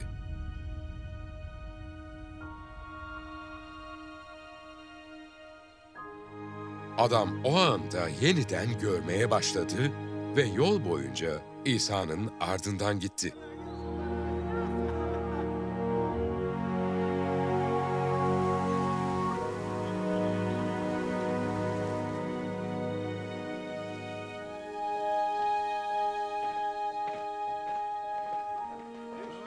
Yeruşalim'e yaklaşıp Zeytin Dağı'nın yamacındaki Beyt Faci ile Beytanya'ya geldiklerinde İsa iki öğrencisini önden gönderdi. Onlara karşınızdaki köye gidin dedi. Köye girer girmez üzerine daha hiç kimsenin binmediği, bağlı duran bir sıpa bulacaksınız. Onu çözüp bana getirin. Biri size bunu niye yapıyorsunuz derse, Rabbin ona ihtiyacı var, hemen geri gönderecek dersiniz.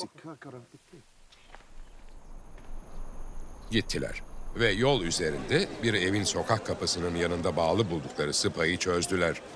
Orada duranlardan bazıları, sıpayı ne diye çözüyorsunuz dediler.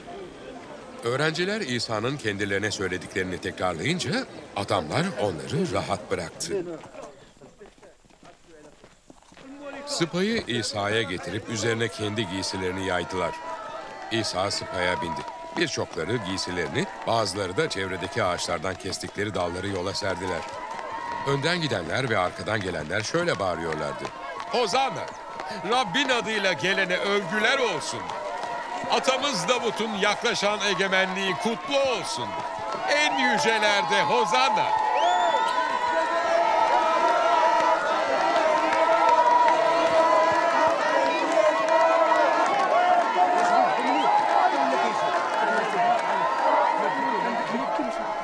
İsa Yeruşalim'e varınca tapınağa gitti. Her tarafı gözden geçirdi. Sonra vakit ilerlemiş olduğundan 12'lerle birlikte Beytanya'ya döndü.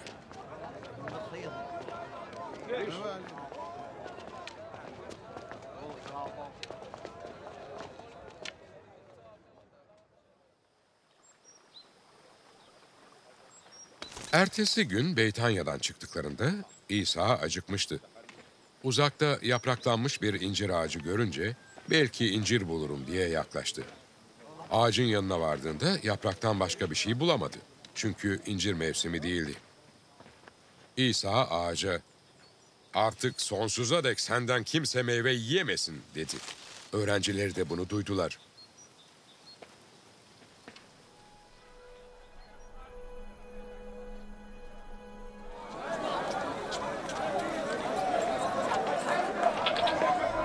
Oradan Yeruşalim'e geldiler. İsa tapınağın avlusuna girerek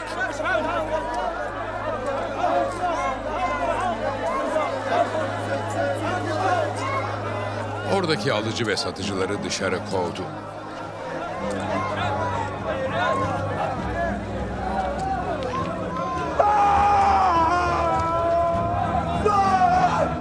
Para bozanların masalarını, güvercin satanların sehpalarını devirdi.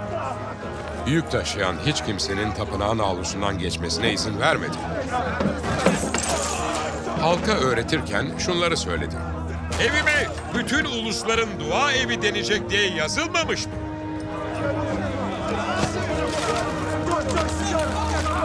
Ama siz onu haydut idine çevirdiniz.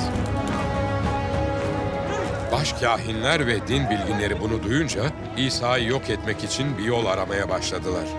Ondan korkuyorlardı. Çünkü bütün halk onun öğretisine hayrandı.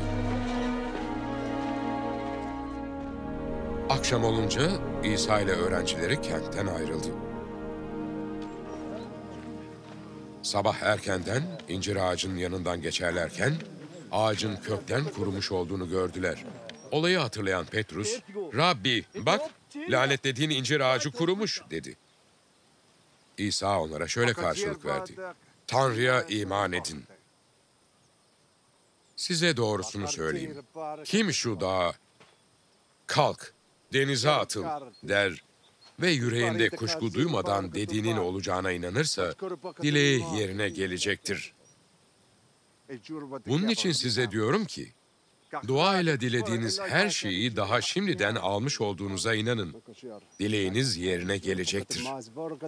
Kalkıp dua ettiğiniz zaman birine karşı bir şikayetiniz varsa onu bağışlayın ki göklerdeki babanız da sizin suçlarınızı bağışlasın.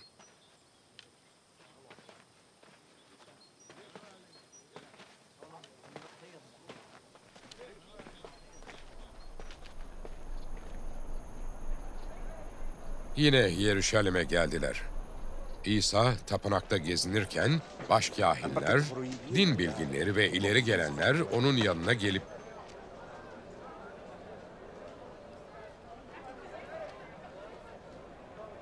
Bunları hangi yetkiyle yapıyorsun? Bunları yapma yetkisini sana kim verdi? diye sordular. İsa da onlara size bir soru soracağım dedi. Bana yanıt verin, ben de size bunları hangi yetkiyle yaptığımı söylerim. Yahya'nın vaftiz etme yetkisi Tanrı'dan mıydı, insanlardan mı? Yanıt verin bana. Bunu aralarında şöyle tartışmaya başladılar. Tanrı'dan dersek, öyleyse ona niçin inanmadınız diyecek.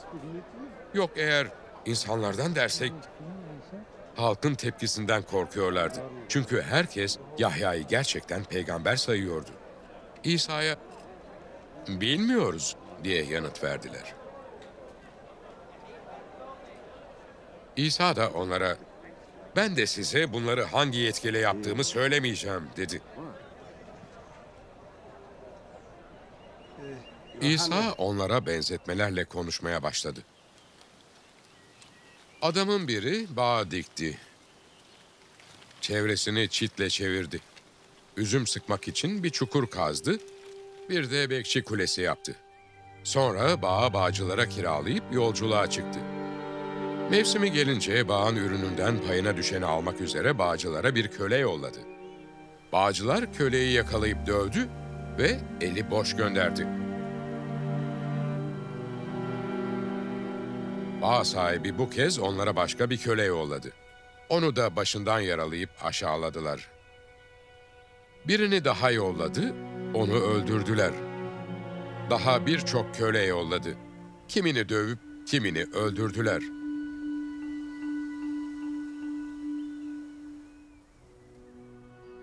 Bağ sahibinin yanında tek kişi kaldı. O da sevgili oğluydu. Oğlumuz hayarlar diyerek bağcılara en son onu yolladı. Ama bağcılar birbirlerine mirasçı budur. Gelin onu öldürelim. Miras bizim olur dediler. Böylece onu yakaladılar, öldürüp bağdan dışarı attılar.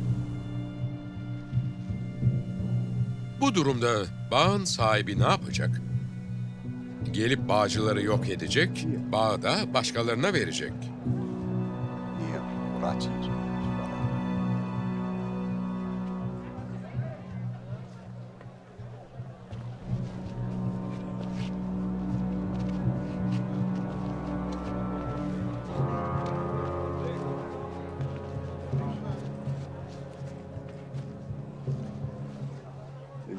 Şu kutsal yazıyı okumadınız mı? Yapıcıların reddettiği taş işte köşenin baş taşı oldu. Rabbin işidir bu. Gözümüzde harika bir iş. İsa'nın bu benzetmede kendilerinden söz ettiğini anlayan Yahudi önderler onu tutuklamak istediler. Ama halkın tepkisinden korktukları için onu bırakıp gittiler.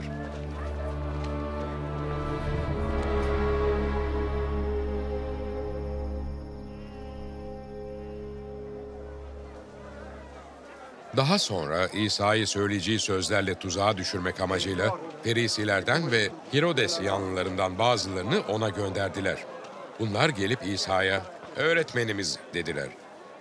Senin dürüst biri olduğunu, kimseyi kayırmadan, insanlar arasında ayrım yapmadan Tanrı yolunu dürüstçe öğrettiğini biliyoruz.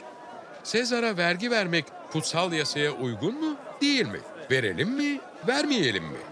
Onların ikiyüzlülüğünü bilen İsa şöyle dedi. Beni neden deniyorsunuz? Bana bir dinar getirin bakayım.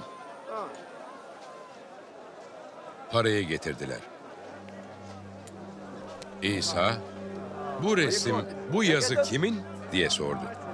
Sezar'ın dediler.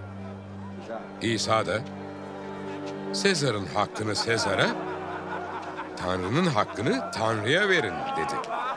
İsa'nın sözlerine şaşa kaldılar.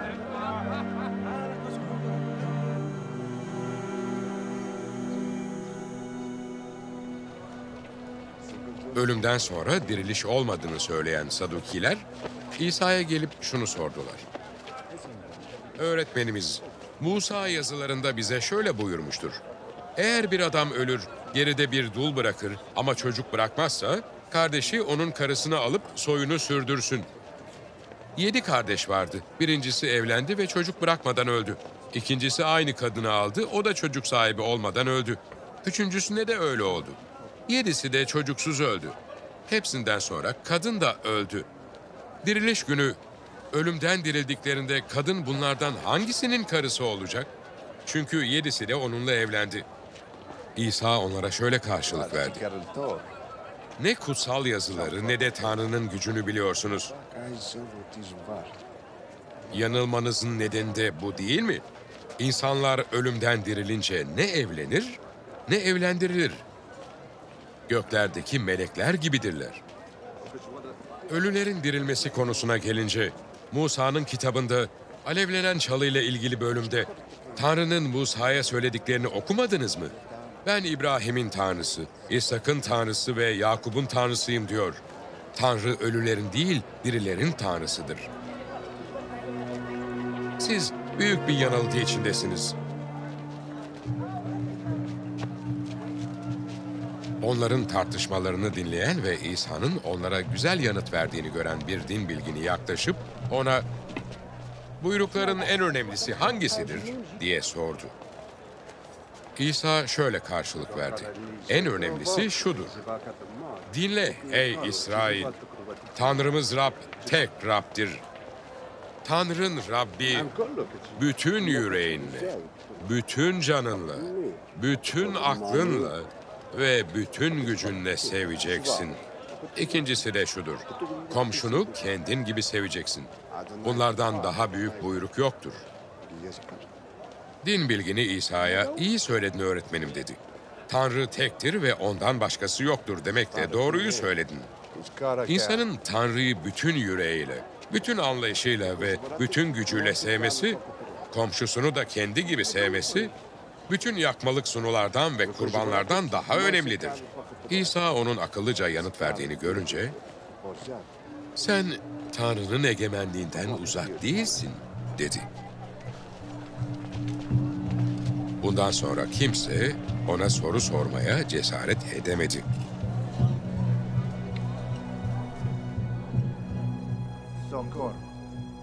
İsa tapınakta öğretirken şunu sordu. Nasıl oluyor da din bilginleri Mesih Davut'un oğludur diyorlar? Davut'un kendisi kutsal ruhtan esinlenerek şöyle demişti. Rab Rabbime dedi ki, ben düşmanlarını ayaklarının altına serinceye dek sağımda otur. Davut'un kendisi ondan Rab diye söz ettiğine göre o nasıl Davut'un oğlu olur? Oradaki büyük kalabalık onu zevkle dinliyordu. İsa öğretirken şöyle dedi. Uzun kaftanlar içinde dolaşmaktan, meydanlarda selamlanmaktan, havralarda en seçkin yerlere ve şölenlerde baş köşelere kurulmaktan hoşlanan din bilginlerinden sakının. Dul kadınların malını mülkünü sömüren, gösteriş için uzun uzun dua eden bu kişilerin cezası daha ağır olacaktır.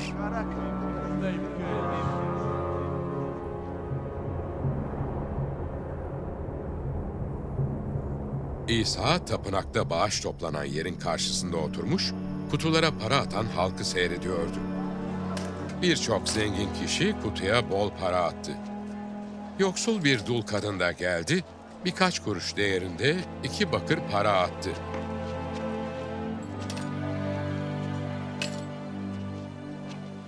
İsa öğrencilerini yanına çağırarak, size doğrusunu söyleyeyim dedi.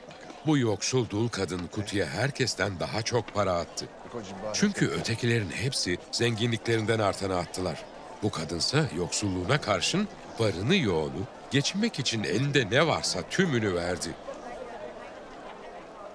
İsa tapınaktan çıkarken öğrencilerinden biri ona "Öğretmenim," dedi. "Şu güzel taşlara, şu görkemli yapılara bak." İsa ona bu büyük yapıları görüyor musun? Burada taş üstünde taş kalmayacak. Hepsi yıkılacak, dedi.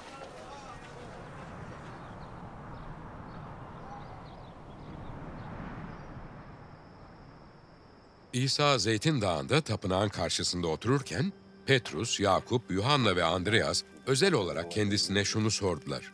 Söyle bize, bu dediklerin ne zaman olacak? Bütün bunların gerçekleşmek üzere olduğunu gösteren belirti ne olacak? İsa onlara anlatmaya başladı. Sakın kimse sizi saptırmasın dedi.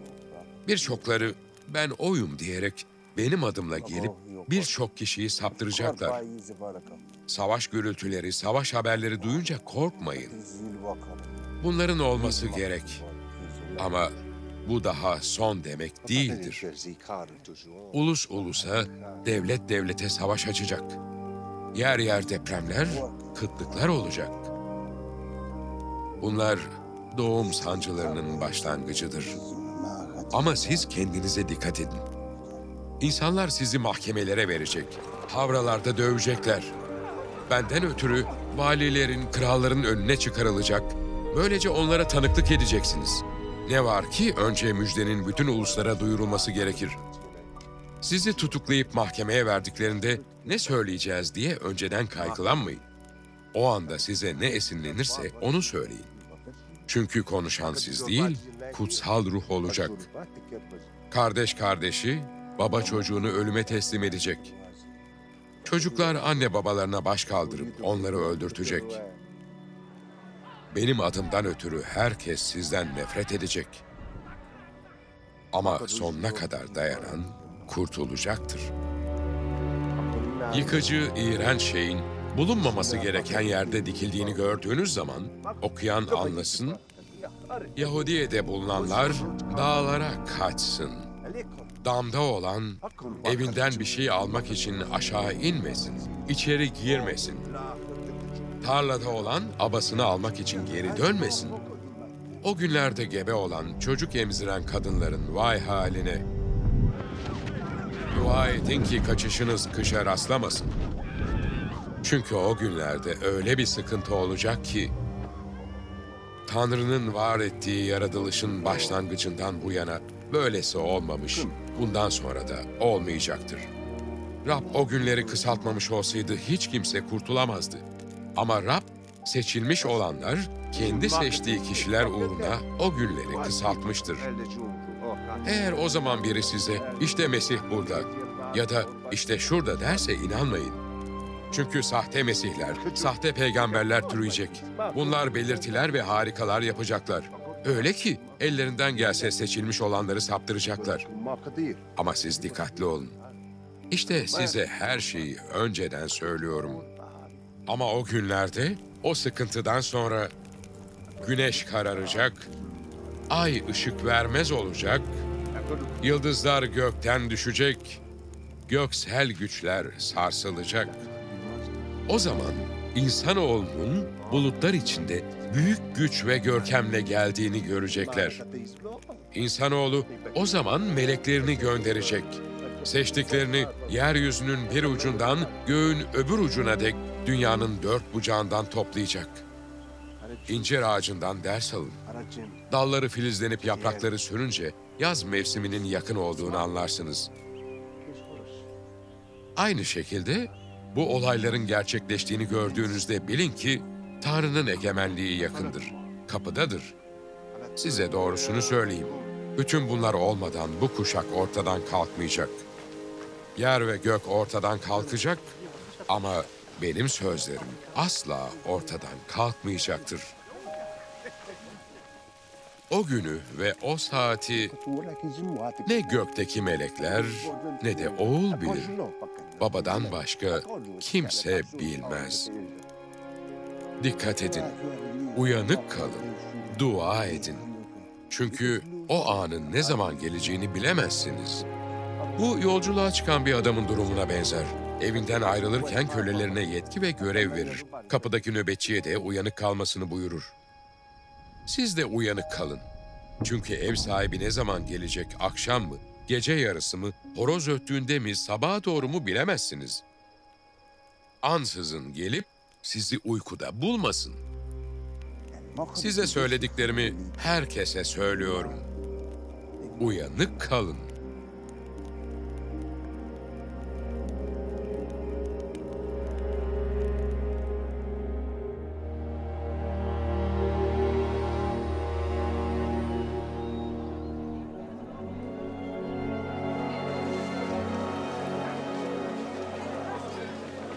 Fısıh ve mayasız ekmek bayramına iki gün kalmıştı. Başkahinlerle din bilginleri İsa'yı hileyle tutuklayıp öldürmenin bir yolunu arıyorlardı. Bayramda olmasın, yoksa halk arasında kargaşalık çıkar diyorlardı.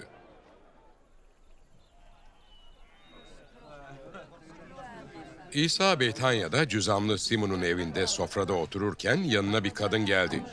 Kadın kaymak taşından bir kap içinde çok değerli, saf Hint sümbülü yağı getirmişti.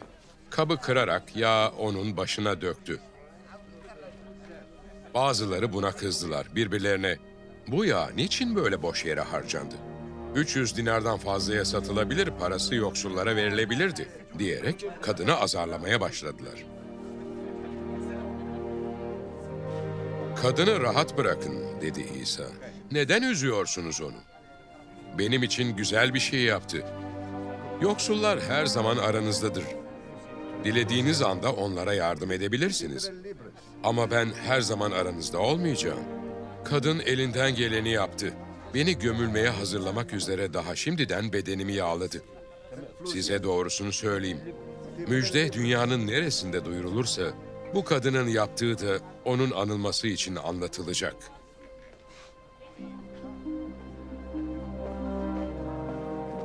Bu arada 12'lerden biri olan Yahuda İskaryot, İsa'yı ele vermek amacıyla başkâhinlerin yanına gitti. Onlar bunu işitince sevindiler. Yahuda'ya para vermeyi vaat ettiler. O da İsa'yı ele vermek için fırsat kollamaya başladı.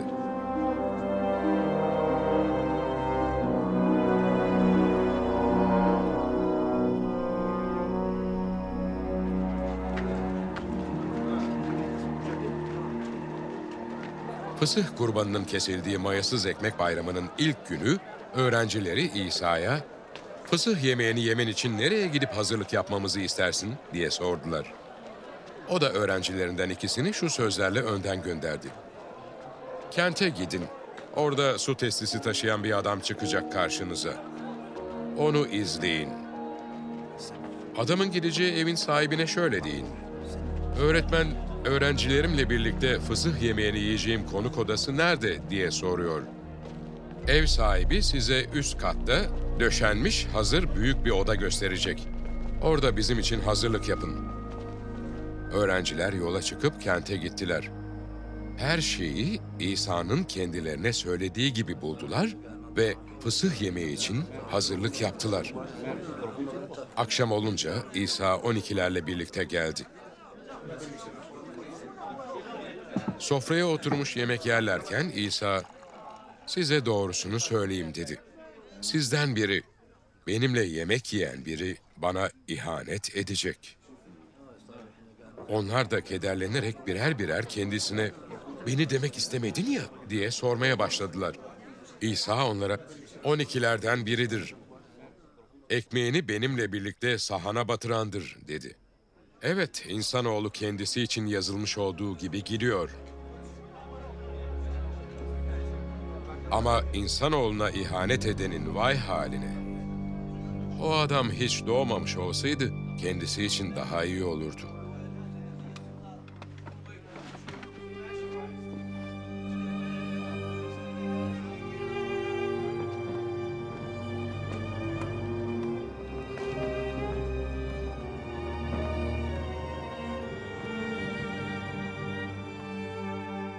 İsa yemek sırasında eline ekmek aldı, şükredip ekmeği böldü ve alın bu benim bedenimdir diyerek öğrencilerine verdi. Sonra bir kase alıp şükretti ve bunu öğrencilerine verdi. Hepsi bundan içti. Bu benim kanım dedi İsa. Birçokları uğruna akıtılan antlaşma kanıdır. Size doğrusunu söyleyeyim. Tanrı'nın egemenliğinde yenisini içeceğim o güne dek asmanın ürününden bir daha içmeyeceğim. İlahi söyledikten sonra dışarı çıkıp Zeytin Dağı'na doğru gittiler.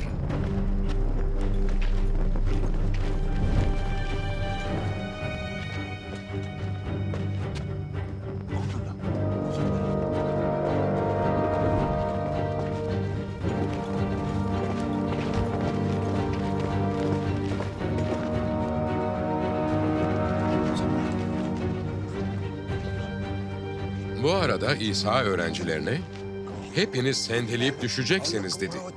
Çünkü şöyle yazılmıştır. Çobanı vuracağım, koyunlar darmadağın olacak. Ama ben dirildikten sonra sizden önce Celile'ye gideceğim. Petrus ona,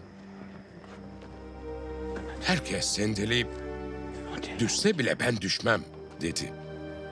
Sana doğrusunu söyleyeyim dedi İsa.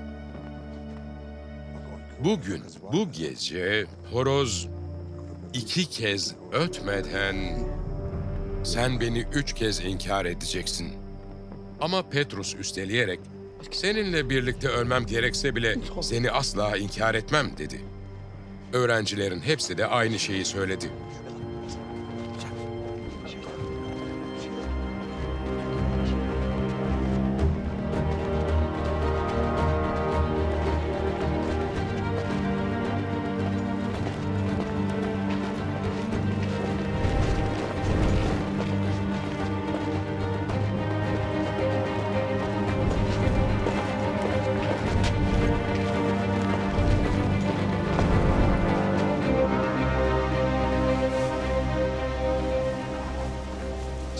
Getsemani denilen yere geldiler.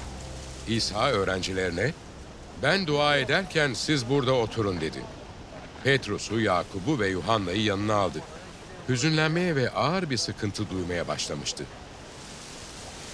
Onlara ölesiye kederliyim dedi. Burada kalın, uyanık durun.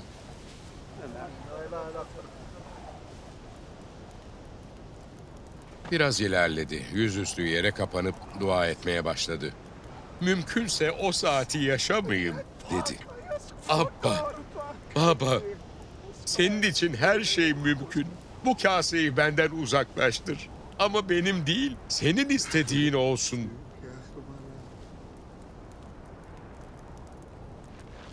Öğrencilerinin yanına döndüğünde onları uyumuş buldu. Petrus'a, Simon dedi. Uyuyor musun? Bir saat uyanık kalamadın mı? Uyanık durup dua edin ki ayartılmayasınız. Ruh isteklidir ama beden güçsüzdür.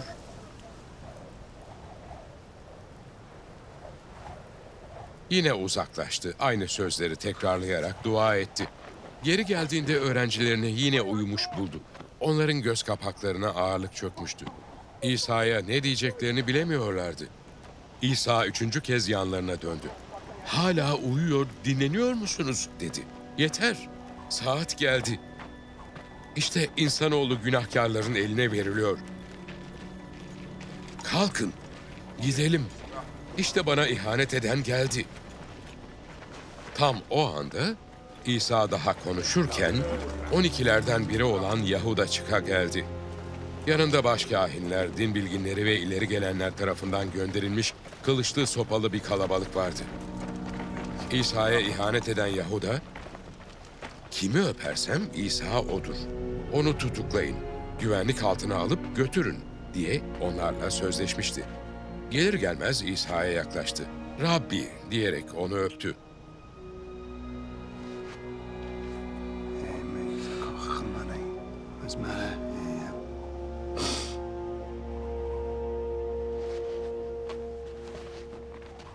Onlar da İsa'yı yakalayıp tutukladılar. İsa'nın yanında bulunanlardan biri kılıcını çekti. Başkâhinin kölesine vurup kulağını uçurdu.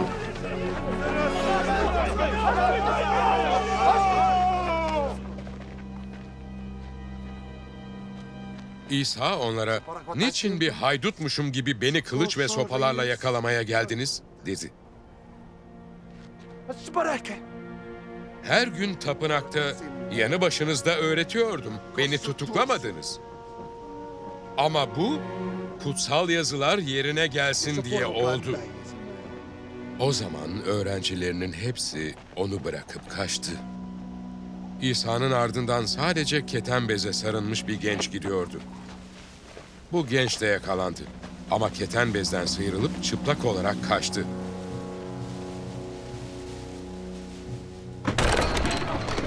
İsa'yı görevli başkâhine götürdüler. Bütün başkâhinler, ileri gelenler ve din bilginleri de orada toplandı. Petrus İsa'yı başkâhinin avlusuna kadar uzaktan izledi. Avluda nöbetçilerle birlikte ateşin başında oturup ısınmaya başladı. Başkâhinler ve yüksek kurulun öteki üyeleri İsa'yı ölüm cezasına çarptırmak için kendisine karşı tanık arıyor ama bulamıyorlardı. Birçok kişi ona karşı yalan yere tanıklık ettiyse de tanıklıkları birbirini tutmadı. Bazıları kalkıp ona karşı yalan yere şöyle tanıklık ettiler. Biz onun elle yapılmış bu tapınağı yıkacağım ve üç günde elle yapılmamış başka bir tapınak kuracağım dediğini işittik. Ama bu noktada bile tanıklıkları birbirini tutmadı. Sonra başkahin topluluğun ortasında ayağa kalkarak İsa'ya ''Hiç yanıt vermeyecek misin? Nedir bunların sana karşı ettiği bu tanıklıklar?'' diye sordu. Ne var ki İsa susmaya devam etti, hiç yanıt vermedi. Başkahin ona yeniden ''Yüce olanın oğlu Mesih sen misin?'' diye sordu. İsa ''Benim'' dedi. Ve sizler insanoğlunun kudretli olanın sağında oturduğunu ve göğün bulutlarıyla geldiğini göreceksiniz. Başkahin giysilerini yırtarak artık tanıklara ne ihtiyacımız var dedi. Küfrü işittiniz. Buna ne diyorsunuz? Hepsi İsa'nın ölüm cezasını hak ettiğine karar verdiler. Bazıları onun üzerine tükürmeye, gözlerini bağlayarak onu yumruklamaya başladılar.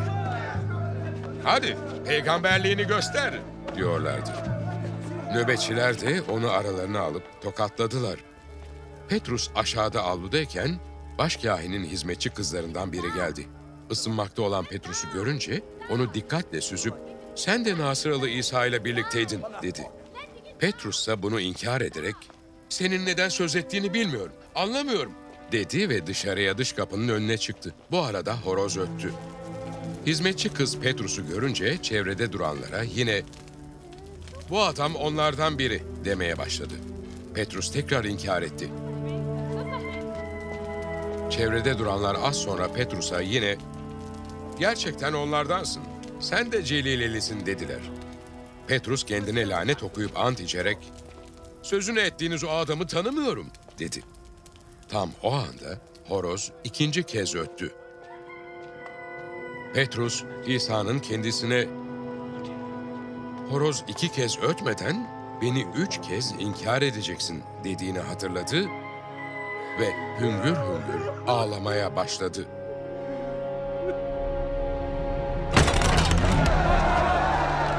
Sabah olunca başkahinler, ileri gelenler, din bilginleri ve yüksek kurulun öteki üyeleri bir danışma toplantısı yaptıktan sonra İsa'yı bağladılar, götürüp Pilatus'a teslim ettiler.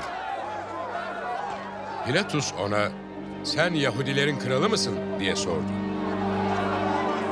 İsa, söylediğin gibidir yanıtını verdi. Başkahinler ona karşı birçok suçlamada bulundular. Pilatus ona yeniden, hiç yanıt vermeyecek misin diye sordu. Bak seni ne çok şeyle suçluyorlar.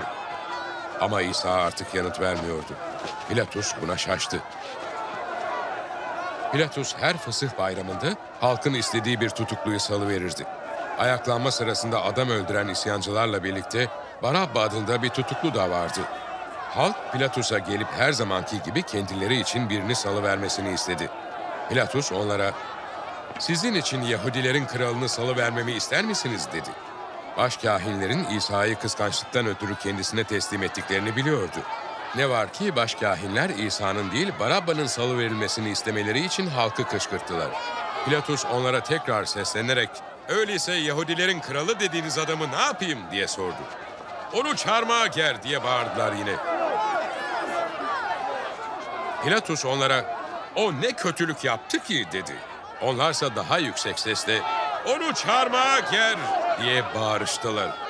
Halkı memnun etmek isteyen Pilatus onlar için Barabba'yı salıverdi. İsa'yı ise kamçılattıktan sonra çarmıha gerilmek üzere askerlere teslim etti.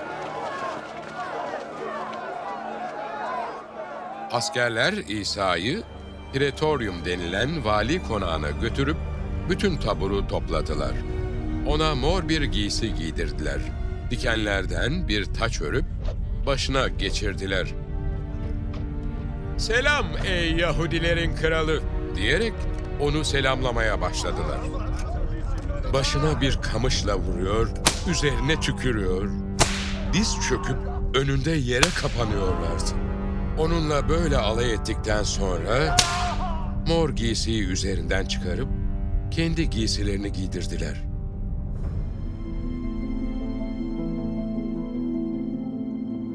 Ve çarmıha gelmek üzere onu dışarı götürdüler.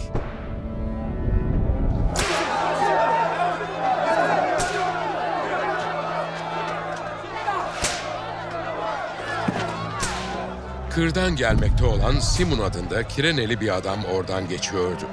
İskender ve Rufus'un babası olan bu adama İsa'nın çarmıhını zorla taşıttılar.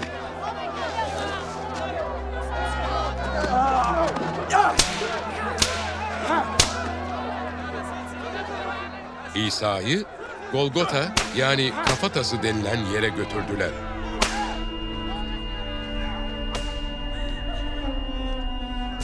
Ona mürle karışık şarap vermek istediler ama içmedi.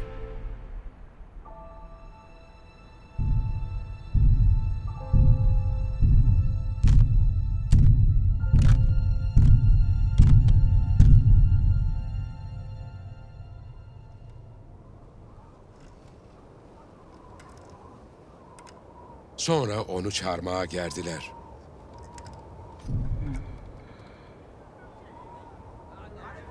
Kim ne alacak diye kura çekerek giysilerini aralarında paylaştılar.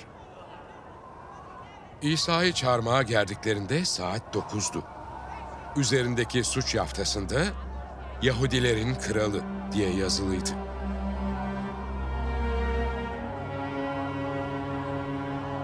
İsa ile birlikte biri sağında öbürü solunda olmak üzere iki haydutu da çarmıha gerdiler. Oradan geçenler başlarını sallayıp İsa'ya sövüyor. Hani sen tapınağı yıkıp üç günde yeniden kuracaktın? Çarmıhtan in de kurtar kendini diyorlardı. Aynı şekilde başkâhinler ve din bilginleri de onunla alay ederek aralarında başkalarını kurtardı, kendini kurtaramıyor diye konuşuyorlardı. İsrail'in kralı Mesih şimdi çarmıhtan insin de görüp iman edelim. İsa ile birlikte çarmıha gerilenler de ona hakaret ettiler.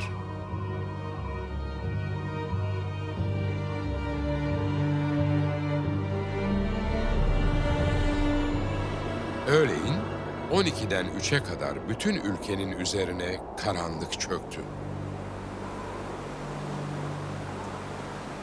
Saat 3'te İsa yüksek sesle Eloi, Eloi, lehma şevaktani yani Tanrım, Tanrım beni neden terk ettin diye bağırdı.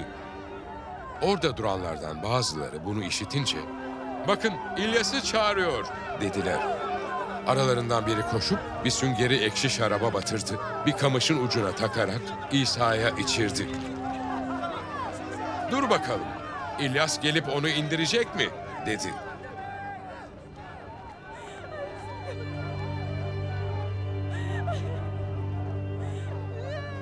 Ama İsa yüksek sesle bağırarak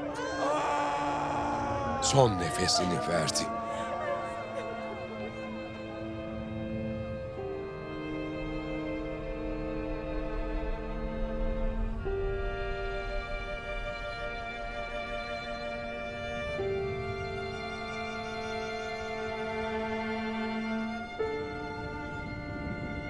O anda tapınaktaki perde yukarıdan aşağı yırtılarak ikiye bölündü. İsa'nın karşısında duran yüzbaşı, onun bu şekilde son nefesini verdiğini görünce, ''Bu adam gerçekten Tanrı'nın oğluydu.'' dedi. Olup bitenleri uzaktan izleyen bazı kadınlar da vardı. Aralarında Mecdelli Meryem, küçük Yakup'la Yose'nin annesi Meryem ve Salome bulunuyordu. İsa daha Celile'deyken bu kadınlar onun ardından gitmiş, ona hizmet etmişlerdi. Onunla birlikte Yeruşalim'e gelmiş olan daha birçok kadın da olup bitenleri izliyordu. O gün hazırlık günü, yani Şabat gününden önceki gündü. Artık akşam oluyordu. Bu nedenle yüksek kurulun saygın bir üyesi olup Tanrı'nın egemenliğini umutla bekleyen Aramatyalı Yusuf geldi. Cesaretini toplayarak Pilatus'un huzuruna çıktı, İsa'nın cesedini istedi. Pilatus, İsa'nın bu kadar çabuk ölmüş olmasına şaştı. Yüzbaşıyı çağırıp, öleli çok oldu mu diye sordu. Yüzbaşıdan durumu öğrenince Yusuf'a cesedi alması için izin verdi. Yusuf keten bez satın aldı, cesedi çarmıhtan indirip beze sardı. Kayaya oyulmuş bir mezara yatırarak mezarın girişine bir taş yuvarladı. Mecdelli Meryem'le Yose'nin annesi Meryem, İsa'nın nereye konulduğunu gördüler.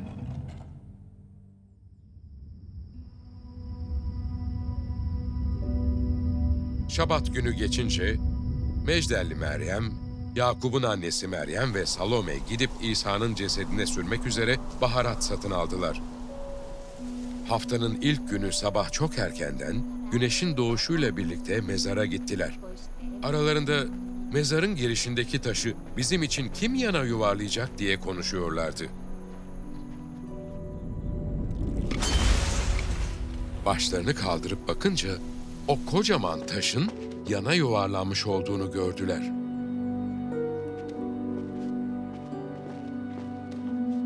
Mezara girip sağ tarafta beyaz kaftan giyinmiş genç bir adamın oturduğunu görünce çok şaşırdılar. Adam onlara, şaşırmayın dedi.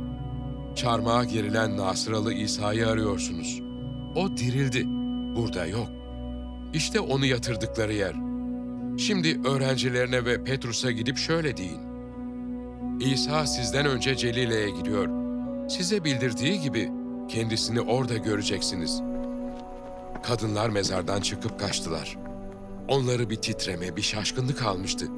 Korkularından kimseye bir şey söylemediler.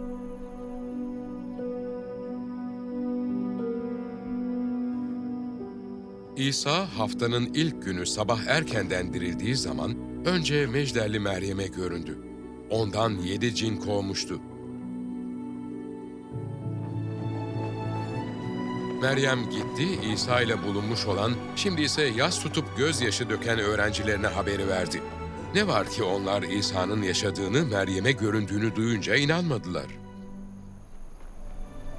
Bundan sonra İsa kırlara doğru yürümekte olan öğrencilerinden ikisine değişik bir biçimde göründü.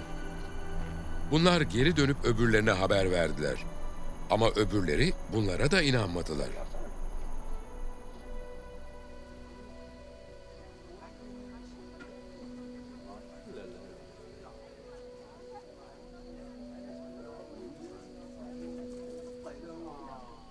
İsa daha sonra sofrada otururlarken on birlere göründü. Onları imansızlıklarından ve yüreklerinin duygusuzluğundan ötürü azarladı. Çünkü kendisini diri görenlere inanmamışlardı. İsa onlara şöyle buyurdu. Dünyanın her yanına gidin. Müjdeyi bütün yaratılışa duyurun. İman edip vaftiz olan kurtulacak, iman etmeyense hüküm giyecek. İman edenlerle birlikte görülecek belirtiler şunlardır. Benim adımla cinleri kovacaklar. Yeni dillerle konuşacaklar. Yılanları elleriyle tutacaklar. Öldürücü bir zehir içseler bile zarar görmeyecekler. Ellerini hastaların üzerine koyacaklar ve hastalar iyileşecek. Rab İsa onlara bu sözleri söyledikten sonra göğe alındı ve Tanrı'nın sağında oturdu.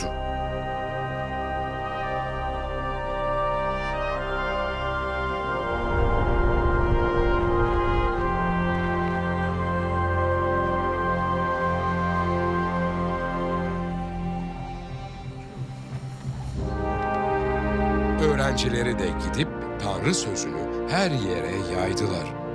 Rab onlarla birlikte çalışıyor, görülen belirtilerle sözünü doğruluyordu.